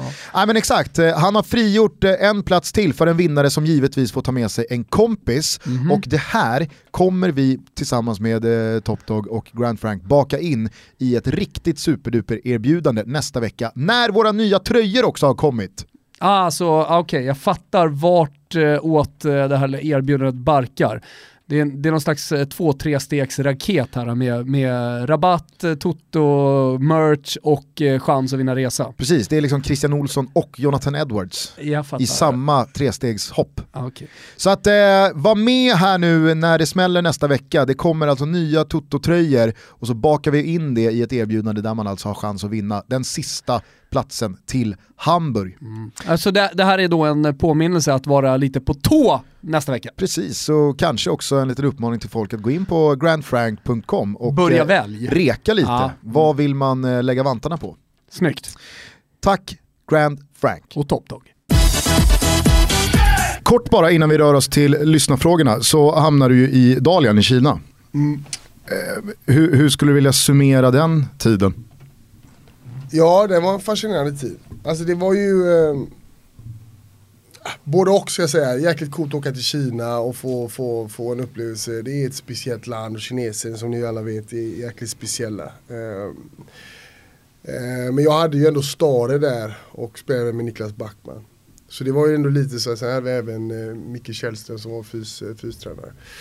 Eh, men eh, ja, både och, sjukt bra pengar. Eh, Var det sjukt bra pengar? för Ja, sjukt bra pengar. Vi hade Mange här nyligen, han snackade om typ 10 10 gånger det man lyfter i Sverige. Ja, jag, men, jag tror inte ens det räcker. Alltså. Oj. Vi hade ju 120 000 netto i matchbonus. Det hade vi netto alltså. Vad innebär matchbonus? Ja, om vi vinner en match. Jag menar, jag Hur många vann det, ni? Det, det, det, det, får- det får du tjäna 250 000 i månad i Sverige för att kunna få ut. Nej, vi vann väl 15 matcher och så. 14 kanske. Hade du målbonus också? Nej, det hade jag inte. För du gjorde ju en del strutar där. 12 tror jag. Mm. Nej men alltså det var ett lukrativt, så att åka till Kina är lukrativt. Det är ingen som åker till Kina för att man är fascinerad av deras fotboll eller, eh, eller liksom fascinerad av landet. och Så. Det är väldigt, det är, sen, han, sen åker du till Shanghai och spelar så hade jag, det är ju en helt annan grej. Jag spelade ju i Dalian som var en, eh, en klassisk kinesisk stad på östkusten. Sju miljoner invånare och eh, allmänt grått bara. Ehm, Men men Men Man- då kan det är lättare att bita ihop med ändå- cashen än i Millwall. Jo men man hade ändå förhoppningen att gör man det bra där så kan man vara kvar i, vara kvar i Asien. Och det finns även en inkörsport till, till, eh, till Japan. Eller säg Gustav som var i, i eh, RFC nere i Guangzhou. Där det är supernice alltså. Så det fanns ju ändå Beijing, Shanghai och Guangzhou, även Shenzhen är ju ställen som man absolut inte har haft något problem att spela i. Men så finns så mycket andra skithålor. Vi hade ju någon match där vi åkte sex timmar sex timmar och sen byte och en timme för att komma till match. Eh, uh, ett trött bortamatch alltså. Vann ni den? Jo, det tror jag att vi gjorde. fanns ju ändå 120 000 anledningar att ändå Ja, det tycka att det var en bra dag på Jo, jobbet. när 90 minuter börjar, då är, ju, då är det det som är motivationen. Ja, jo, men det, är lite, det är lite fascinerande när man ser, ser bänken, när man säger att man leder med 1-0 och det är en tuff bortamatch. Och, du vet, de trycker på soffan och vet, folk står och svettas på bänken och Stare står och hoppar. Och, det är mycket pengar som kan ryka. Eh, vi frågade Mange samma sak. Vilken var den liksom märkligaste incidenten du var med om i Kina? För känslan är ändå att man är med om ett Han var par... med i ett ruggigt fistfight. eh, Då de utländska spelarna var inte med utan det var de inhemska spelarna som, som Släckte slogs. linjemannen. Ja, släckte linjemannen bland annat. Nej, det... Matchen alltså. Ja, det, var en, eh, det var en tveksam offside i slutet på matchen och sen så togs det vidare in i spelartunneln där tre, fyra kinesiska spelare i motståndarlaget totalt bara Sen blev det inga repressalier. Man... banka på linjemannen. Nej, det var bara... Vad fan har jag inget, ha, vad, Det behöver ju inte vara, Lugnare. det behöver ju inte vara, från, fo- det behöver ju inte vara från fotbollsplan. Det kan ju ha varit någon sån här bisarr incident även utanför plan. Ja, jag hade en faktiskt när jag gick upp. Ja, vi skulle upp på en, det fanns ett stort berg där man, det var någon sån här um, eh, där munkar och sånt eh, bad. Munkberg, jag vet inte vad man kallar det. Ja, Civil- tempel ja, precis, tempelgrej. Så eh, säger min tjej som jag har då, titta vad fan är inte det Mariana som växer där bredvid? Jo, då är det alltså, växer det alltså buskar av Mariana över hela det här berget. Och det är, jag röker ju inte Mariana längre men, men eh, Vad Det fascinerande. rätt, jo men det hade ju aldrig hänt i Sverige, då hade de ju bränt ner hela det. Alltså, hade man klippt ner. Få de, ställen i världen som De gick det. liksom runt där, så vi tog lite kort på det. Det var det som fascinerande att det växte helt vilt där. Ehm, Du hade ju framförallt inte sett svenska munkar. Man hade ju Bland- bara för bland packat men det här ner. var alltså inte uppe i tempel, för det var längst upp. Det här var alltså bara en sån vanlig passage där folk gick. i, Alltså, så här. Det var ju... Ja men det var, det var en... eh, lite coolt. Annars då så här märkliga händelser från, eh, från karriären. Många minns ju eh, missad bussincident i Odinese. Jag vet inte, har du pratat om den någon gång? Ja, den ja. Den har kommit upp, ja alltså ja. Nu är det preskriberat så att säga. Ja, nej. Ja, det, jo, alltså när jag kom till Udinese så hade de ju, de hade ju schema, de hade gamla scheman som satt på en vägg och sen hade de ju nya på den andra väggen. Av någon jäkla anledning varför de inte tog bort det gamla. Då hade Typiskt italienskt. Då hade jag ju tittat, typiskt italienskt, då hade jag tittat på det gamla schemat. Så det stod ju att vi hade hemmamatch eh, typ vid tre, fyra någonting. Men då ringde och var det inte, vi spelar ju borta och det här ska jag givetvis veta att jag spelar borta. Är det inte borta Milan också? Nej, borta Siena var det. Siena. Och då ringer han mig, "Vart är du någonstans? Vem ringer då? Ja, då ringde våran eh, manager typ. Ja. Så han bara, vad fan är det någonstans? Alltså vi åker om tio minuter. Och då är jag i sängen och powernappar och vaknar upp med en sån fruktansvärd panikångest. Alltså. För då ska man ju ändå liksom packa ner det man ska ha och liksom jag vet, eh, resekläderna ska på hela bit. Och jag sätter mig i bilen och kör som en galning. Kommer, och när jag kommer, då åker, bil, åker bussen. Då tycker då, för då, för då, vad jag har hört i bussen i alla fall, så säger de Mattias kommer nu. Och så bara, han- då, har det gått, då har det gått precis fem minuter. Och sen, nej nej nej, bussen ska åka. Och då får jag alltså en, får jag åka med våran fysioterapeut typ bakom lagbussen ända till Siena som är ändå två och en halv timme. Så jag sitter alltså bakom. Ja, det är längre än två och en halv timme. Ja det är nog det. Jag vet inte Ja, jag- har gjort en resa. Det Ja, är har en bra det. bit. Ja det är en alltså. bra bit ja. Vad, vad är känslan när du ligger Och och... jag skulle spela den matchen från start med. Är det sant? Vi spelade, nej det här var, om det var något lag i Toscana i alla fall. Jo det måste varit Siena. Ja jag tror att det var Siena. Ja men jag var i alla fall tänkt för att spela matchen. Så där rök ju den fullständigt. Den, den, Det måste ha varit bittert. Ja men det var sjukt bitter. Det var så jävla klassisk jävla, klassiskt. Jävla misstag, dumt jäkla misstag bara. Men vad sitter du och tänker bakom ratten? När du ligger liksom 10 meter bakom bussen? Hoppas Guidolin har en bra dag eller? Åh, nej, där känner jag ju redan liksom. Det är ju rätt, rätt tydligt tecken ändå om de, att, att jag inte får åka med bussen ens. Liksom, jag, jag fick ju ändå hänga med, så på något sätt fick man ändå... Du hade lite hopp. Ja, jag känner att min startplats har ju rykt här. Nej, men jag har väl... eh, Men var det någon slags början på slutet? På tiden i Udinese? Eller var det en isolerad händelse som ni strök ett Ja, streck men över? den kom jag nog ändå förbi. Den kom jag nog ändå förbi. Men sen var det, vet, jag hade lite problem med kommunikationen där. Han sa ju efter två veckor när jag hade varit i i, eh, i Udinese så hade han pratat med våran fys, fystränare. och allting. Han sa att om inte Ranegi börjar lära sig eh, italienska nu så kommer jag inte använda honom på träningen.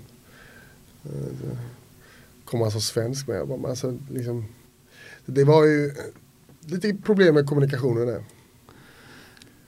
Det, det, alltså, det, det sades ju att du hade varit i Badgerstein och haft någon partykväll dagen innan här. Ja det var inte innan den gången. Det var inte innan, det var en Ja, annan. det var en annan. Ja, ni kommer ju på de här grejerna.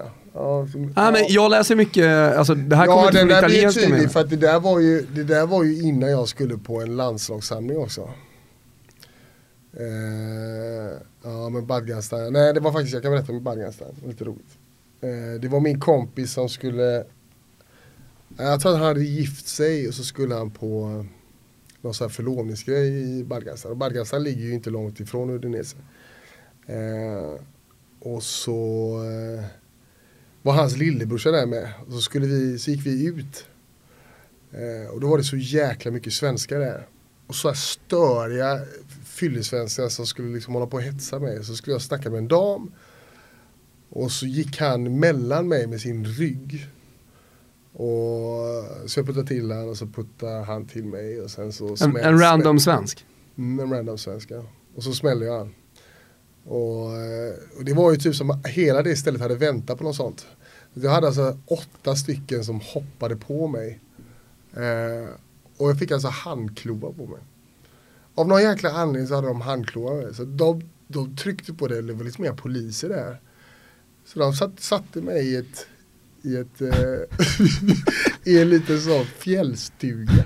Därför jag fick sitta och vänta på en österrikisk polis. Men vänta, när, Klockan fyra. Men vadå, då- de här civila personerna bojar De dig? civila personerna bojade mig. Och så var det någon äcklig jävel som stod med en handklovar och sa att, vad fan var han sa till mig?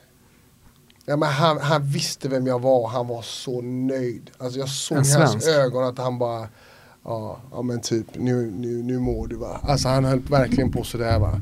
Jävla äcklig jävel. Sa du då ett samtal bort? Det är ett samtal bort en gubben. Det har varit så jävla perfekt kommentar. Alltså. men eh, när är det här då, alltså man pratar i säsong? Det här är en fredag, lördag.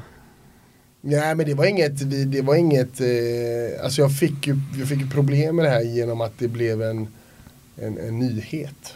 Så Mm. att säga. Men det var inte så att det var träning dagen efter. Utan vi hade, jag tror att vi hade en ledig helg där. Eh, men det är klart, det blir ju tidningar hela skiten ju. Men på tal om, du säger att det här var precis innan en landslagssamling, på tal om då landslaget, den eh, tiden, så minns jag att du tyckte att du skulle tas ut i landslaget. Togs inte ut i landslaget.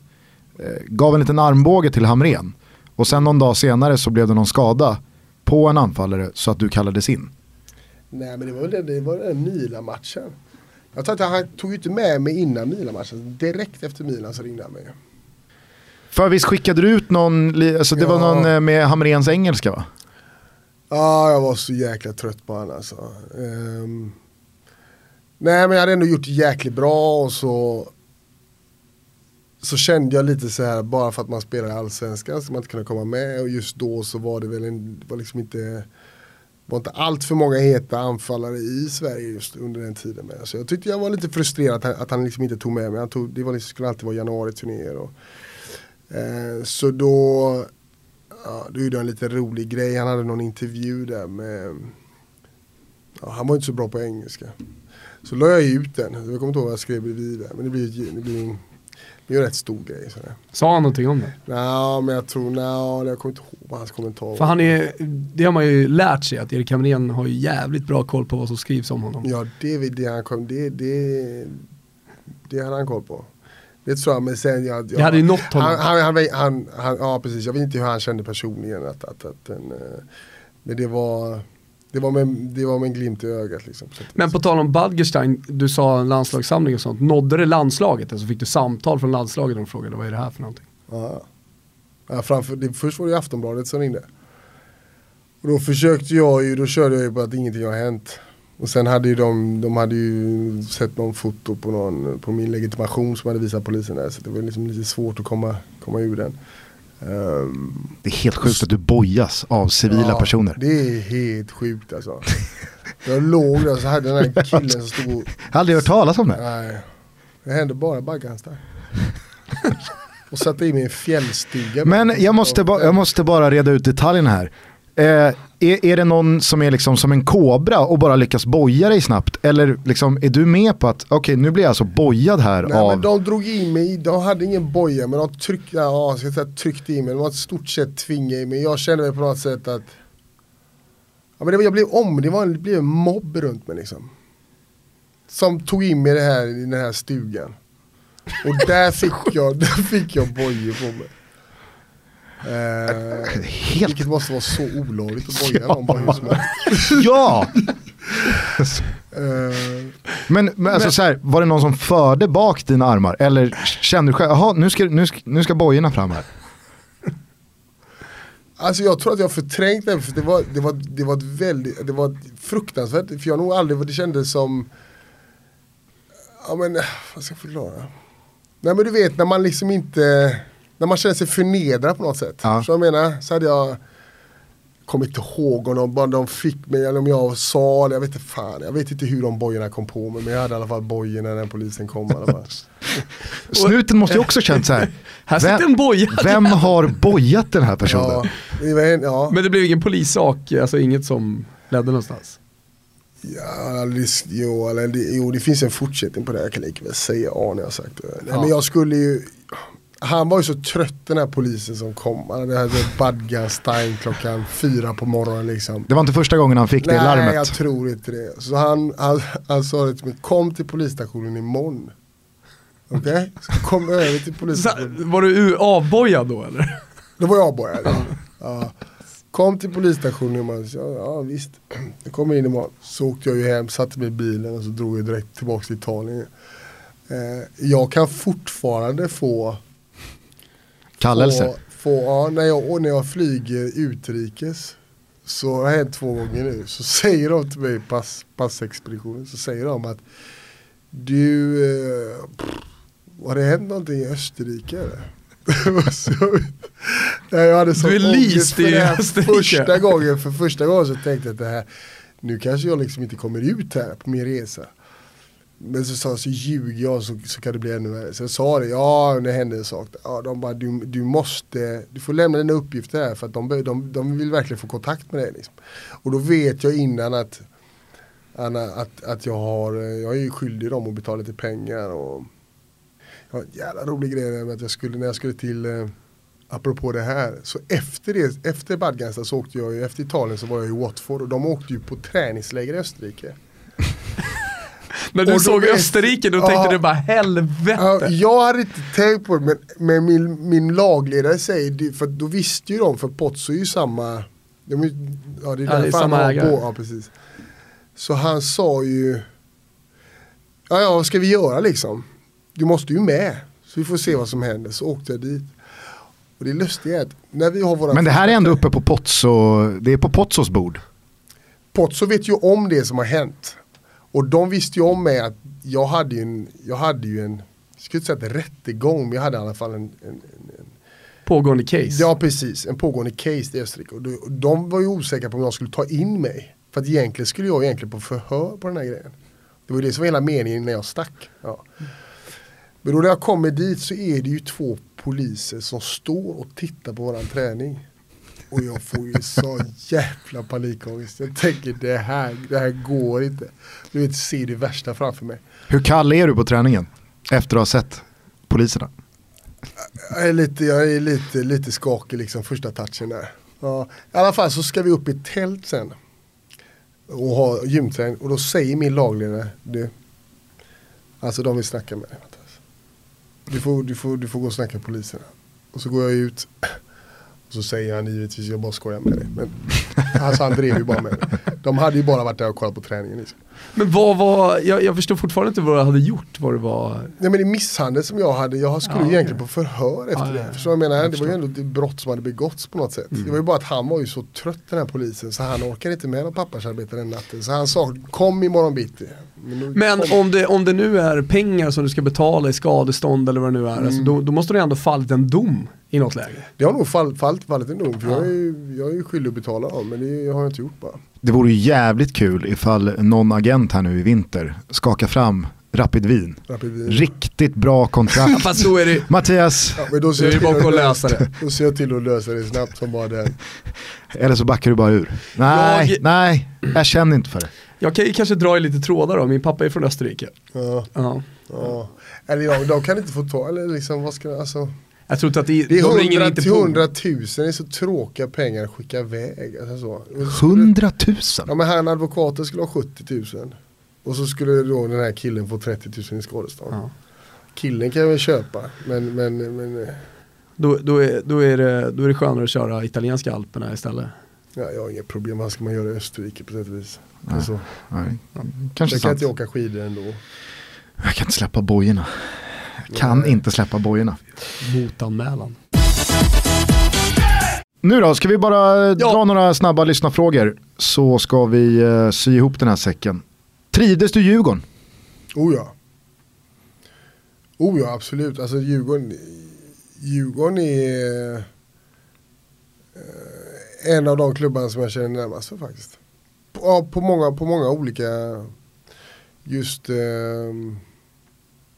med liksom lagsammanhållningen som vi hade och jävla gott gäng och en jävla fin klubb bara. Jag, jag kommer nog alltid hålla lite på Djurgården tror jag. Mm. Så absolut. Du och Lunga hade ju en jävla bra run under Dempsey där. Jag borde ju egentligen fått 20 miljoner av den försäljningen. alltså, Ja, men det har jag sagt till Bosse också. Kanske inte 20 miljoner men ett par miljoner borde jag få. du borde kunna täcka Österrike-smällen. Gud vad jag fick, fick han att börja leva alltså. Mm. Eh, men, eh, det är väldigt många djurgårdare som eh, har en relation till det i alla fall. Mm. Du har gjort avtryck Mm. även på kort tid i, i den klubben. Eh, Marcus utan scen undrar hur det var att spela Stockholmsderby då? Hur högt håller du dem som matcher? Ja men lika häftigt som det var lika jobbigt var det också. Berätta. Nej men det gick ju åt helvete alla derbyn. Vi tog inte poäng på, eh, vad hann jag spela två derbyn? Det är ju en följetong. Nej men jo men alltså det finns ingen coolare match i Sverige än att spela de här matcherna för de betyder så otroligt mycket. Alltså så för, för, för, för fansen och det, det, det finns ingen, ingen match i Sverige som kan jämföras med det. Jag har spelat Malmö, Helsingborg, jag har spelat eh, Blåvitt, eh, Gais och alla, alla möjliga tänkbara derbyn men det derbyt det är det är internationell klass på Stockholmsderbyn så? När du säger det derbyt, menar du eh, Bayern och AIK eller menar du Djurgården och AIK? Ja men det, båda är nog lika, lika feta alltså. Ja. Alltså det får jag nog säga. Sen ni vet jag att för, som, som djurgårdare så betyder AIK derbyt mer. Men, men som spelare så är det ju sak samma lite. Krille, han undrar ifall det stämmer att Udineses tränare frågade vem är du när du dök upp på din första träning? Ja det stämmer. Den är också rolig. Den är kul. Vad fan känner man då? Ah.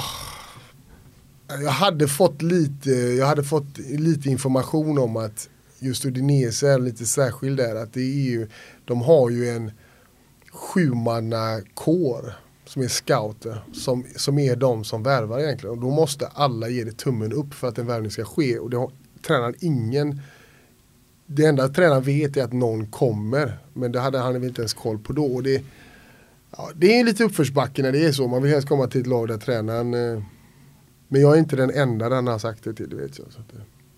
Anders Kärnberg, han önskar storyn om när du tjackade en Porsche i flipflops.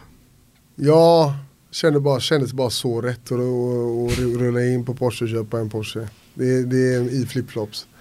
Uh, så det var, en liten, uh, det var en liten grej jag ville göra bara.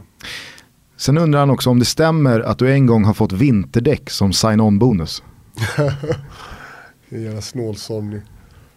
nej, alltså, nej, det här var faktiskt för att jag skulle, jag skulle ta hand om en afrikan en månad i min lägenhet.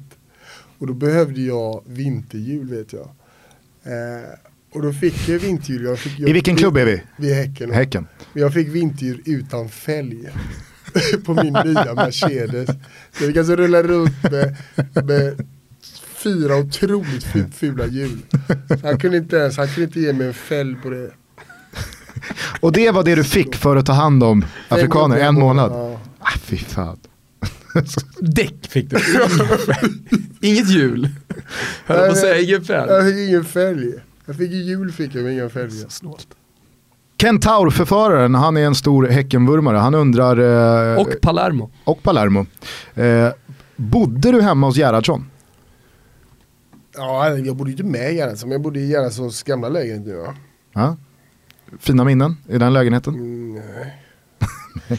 nej, det var verkligen eh, Det var så här memory lane när man satt, alltså fruktansvärt tråkig lägenhet alltså.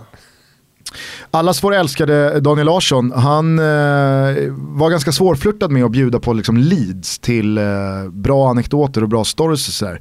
Men eh, han, han sa att eh, du är otroligt vass på att bränna deg. Vad är det mest extravaganta du har lagt stålar på? Eller onödiga. Onödiga saker. Um, ja, men jag har ju köpt ett par högtalare för 50 000 som jag knappt använder. Står de fortfarande? Dammar. Ja men du vet allting blir ju så jäkla, nu så kan man ju köpa en Sonos-grej som är hur smidig som helst. Och det, man bara, varför har jag inte en sån istället? Så har jag ett par sådana statyer som, som inte går att sälja.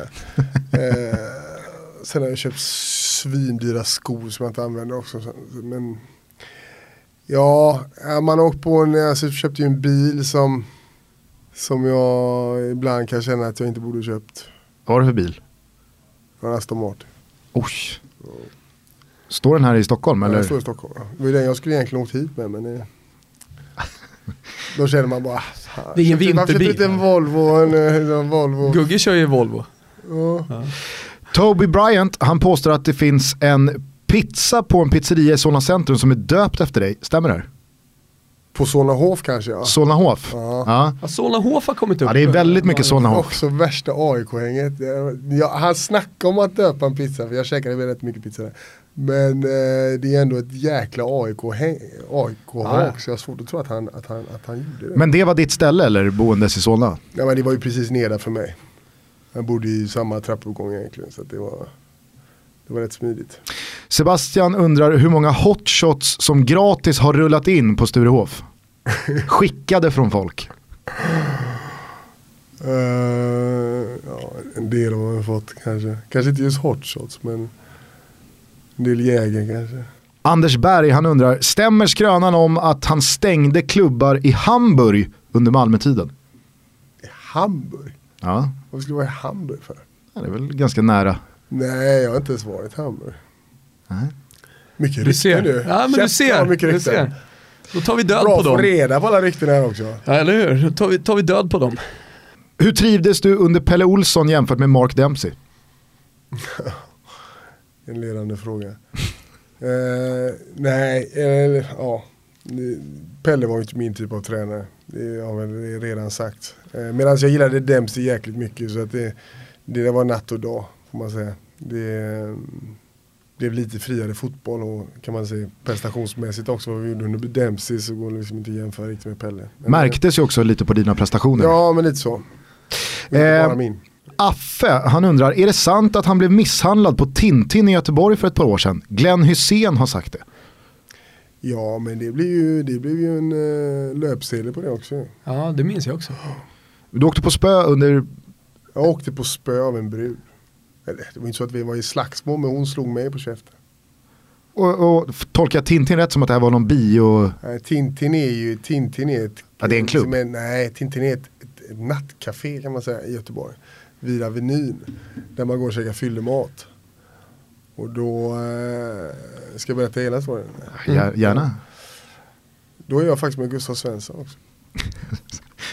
Ta käka. med honom i fallet. Ja, han kommer, ja precis. Eh, nej men då ska vi gå in dit och käka mat och då, då funkar det så att man får ett, man får ett kvitto av, av kassörskan av det man har beställt och sen så säger de ett, så är det ett nummer på kvittot och så säger de till när det är din mat.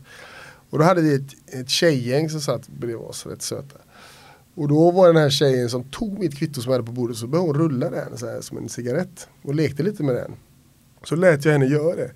Fast sen så när jag skulle ta tillbaka mitt kvitto då sa hon att det här är inte ditt kvitto.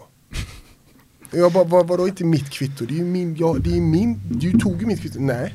Och då började ju hennes tjejgäng där, som inte hade varit med på när hon tog kvittot och trodde att jag skulle sno hennes mat. Och medan jag tappade det helt, jag blev så jäkla arg på de här brudarna. Bara, Så ge mig min jäkla kvitto liksom. Och började ställa mig där och gorma. Och, så polisen Vad sa kom. Gustav då? då? Nej jag vet inte vad han sa, Han de var bara trötta på det. Ja jag vet inte, de tänkte väl köpa en ny macka då liksom. Men det blir en principsak att de ska fatta komma undan där med min med min, min Det är min macka. Curry, currymacka som jag hade beställt. Eh, så då kommer polisen och så tar de ut mig därifrån. Blev du Och bojad? Kvalitet på ens polare är ju sådär där eftersom de skulle bestämma sig att de skulle äta upp sin mat. Så jag så får stå och vänta. Hade du varit med mig Ragge, då, lovar jag, då hade jag varit med. Ja men du är god gubbe. Eh, så de sitter kvar en stund och så 5-10 minuter senare när de kommer, kommer med så kommer även de här tjejerna, för de har också ätit upp. Så kommer de här tjejerna efter och så säger jag till det då säger jag till henne då att jag hoppas maten smakar bra eller eh, någonting då. Och då bara ger hon mig en rak höger mitt på ögonbrynet. Och det är bara forsar blod i hela ögat. Och då står ju polisbilen på andra sidan. Och de väntar ju på att jag ska gjort något dumt. För de väntar ju, nu ska vi ha koll på den här gubben för att han eh, kanske gör något. Och jag går till polisen och du vet, de, de vill inte göra någonting. De vill inte göra någonting. Eh, Medan Gustav då blir ju svinsned på polisen för att de tycker att det var det helt, det helt fel att ni inte ni ser, såg vad som hände. Boja henne. Boja henne ja. Fan jag har fått bojor för mindre kan jag säga. Eh, Hur många gånger har du fått bojor? det, det är badgansen. Ja, okej, Eh, så då tar de ju med Gustav då för stökigt behavior eller vad man säger. Fyllecell då? Ja, han fick ju han fick gå på sin fyllelse. Det är ingen som vet det här tror jag. eh, Och så hon tjejen då som fick åka med. Men sen Ja, de plockade ändå de henne. plockade henne till Ja. slut ja, efter mycket möda och men. Men då, då anmälde jag ju henne.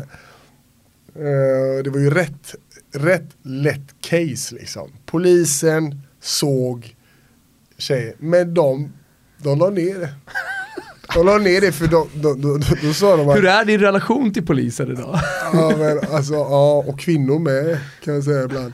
Eh, då sa de att vi kunde, inte, vi kunde inte bekräfta om du hade provocerat henne. Så. Vilket är jäkligt lustigt. Ja, verkligen. Tänk att byta det något att jag hade gjort liknande. Eh, lagkamrat eh, skriver här fråga, eh, det fanns minne, han har minne från ett läger i Rom. Är inte så mycket mer. Ja, lagkamrat som skrev det. Ja, Ja, vi var, det var ju Malmö där. Vi, hade ju, vi skulle ju spela mot Lazio i träningsmatch ju. ja. Eh, och nu vet jag inte vilken lag, men jag hade ju otroligt trevlig kväll där med Friberg och Daniel Larsson när vi rullade runt. Då började jag och Danne bråka också. Asså, Jätteslagsmål jag och Daniel. Oj. hur kommer det sig? Skallade han då. Nej, det är faktiskt sant. Det. Och sen började vi gråta. Vänta, vänta, Sen vänta, började- du är ju sen tre huvuden längre Sen började Danne. Daniel gråta i taxin. För att han förstod inte hur en kompis kunde göra så mot honom. Är det sant? Sen började jag också gråta blev kompis efter det. Varför började du gråta då? För att han började gråta. Ja för att han, för att det blev på något sätt, jag, jag, jag blev känslomässig, jag blev känslomässig där. Ja men lite så, han blev så jäkla ledsen för han kunde inte förstå hur jag kunde skalla. Men då hade han varit ett as och skitjobbig. Sen är det lite tufft att skalla sin polare kanske men Jag, jag, jag, jag, bara tänker, bara, vad är det ni håller på med? Det är så, satt vi, satt vi och grät i taxin. Vad handlade bråket om liksom? Ingenting eller var det, var det någonting som hör till historien? Ja men du, du känner Daniel, han kan vara så dryg ibland. Ja, får man säga. Ja, och han var extra dryg den kvällen. Så det, han var ju bara jobbigt dryg och eh, jobbig människa liksom. Så det, sen brukar inte jag skalla mina polare men Nej, jag bara tänker på hur det Eller? gick till med tanke på att han är tre huvuden läger som sagt. Jag måste kommit med en ruskig fart. Ja, men det var nog en liten sån där slängskalle. Ah, okej.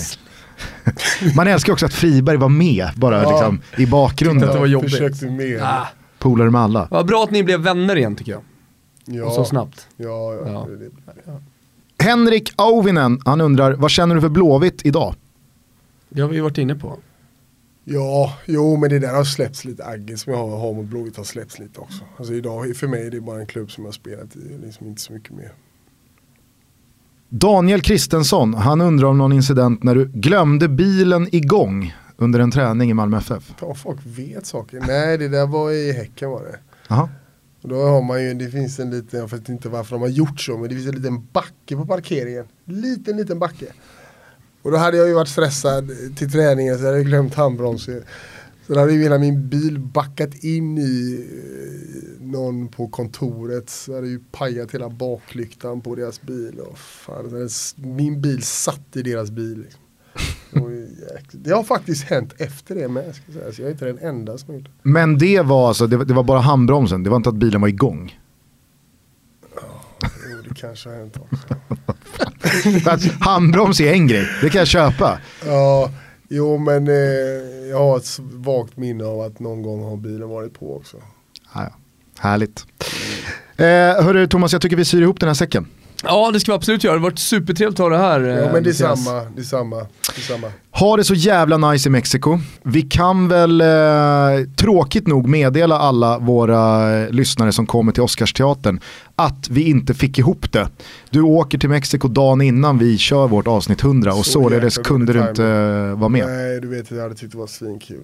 Mm. Eh, jag har varit lite sömnig idag. Men, eh, Vi, vi, vi tar igen det vid annat live-tillfälle. Det kommer ju ett 200 avsnitt. Ja exakt. Så det går att, det är dåligt här. 100 avsnitt ja. Mm. Precis. En ära. Ja. Vem Lite ta- retroaktivt. Vem ska ni ta istället då? Jag vet inte, vi kanske ska vi röka ut han som bojade dig i, i Österrike. Ta upp honom, få höra, lyssna på Toto Balutto, man vet aldrig. höra hans eh, av sida av myntet. Ja, men jag Totobalutto.gmail.com vet faktiskt inte vad han heter så det var lite intressant. är. Ha en underbar semester i Mexiko. Stort lycka till med eh, att hitta en ny klubb och väl där så önskar vi dig allt gott. Och till alla sportchefer som lyssnar på det här, det är alltså målgaranti, 10 mål på Mattias Ranegi Minimum. inför nästa säsong. Minimum. Mm. Men eh, ska det vara en österrikisk klubb så behöver det vara bra. Ja, det behöver vara en bra eh, sign-on. det behöver vara bra. Eh, hörni, eh, fortsätt lyssna på Toto Balutto och, och eh, ha en eh, fin eh, dag vart ni än är någonstans. Ciao tutti. Nej, innan vi säger ciao tutti. Alla Just gäster får ju avsluta sina program med en låt. Med en låt. Mm. Så vilket, eh, vilket alster ska vi gå ut på i detta avsnitt som givetvis heter Mattias Ranegi? Marvin Gaye, let's get it, let's get it on. Oh, jävla superlåt! Ja, tack ska du ha. Eh, ciao tutti! Ciao tutti. Ciao ciao.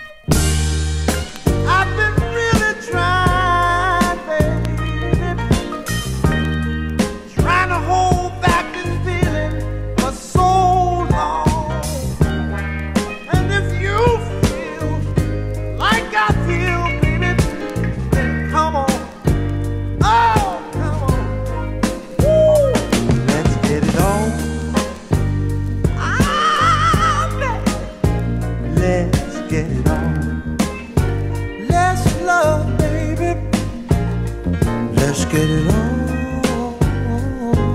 Sugar, let's get it on.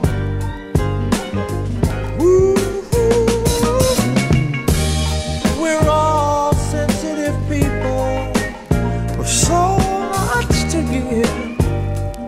Understand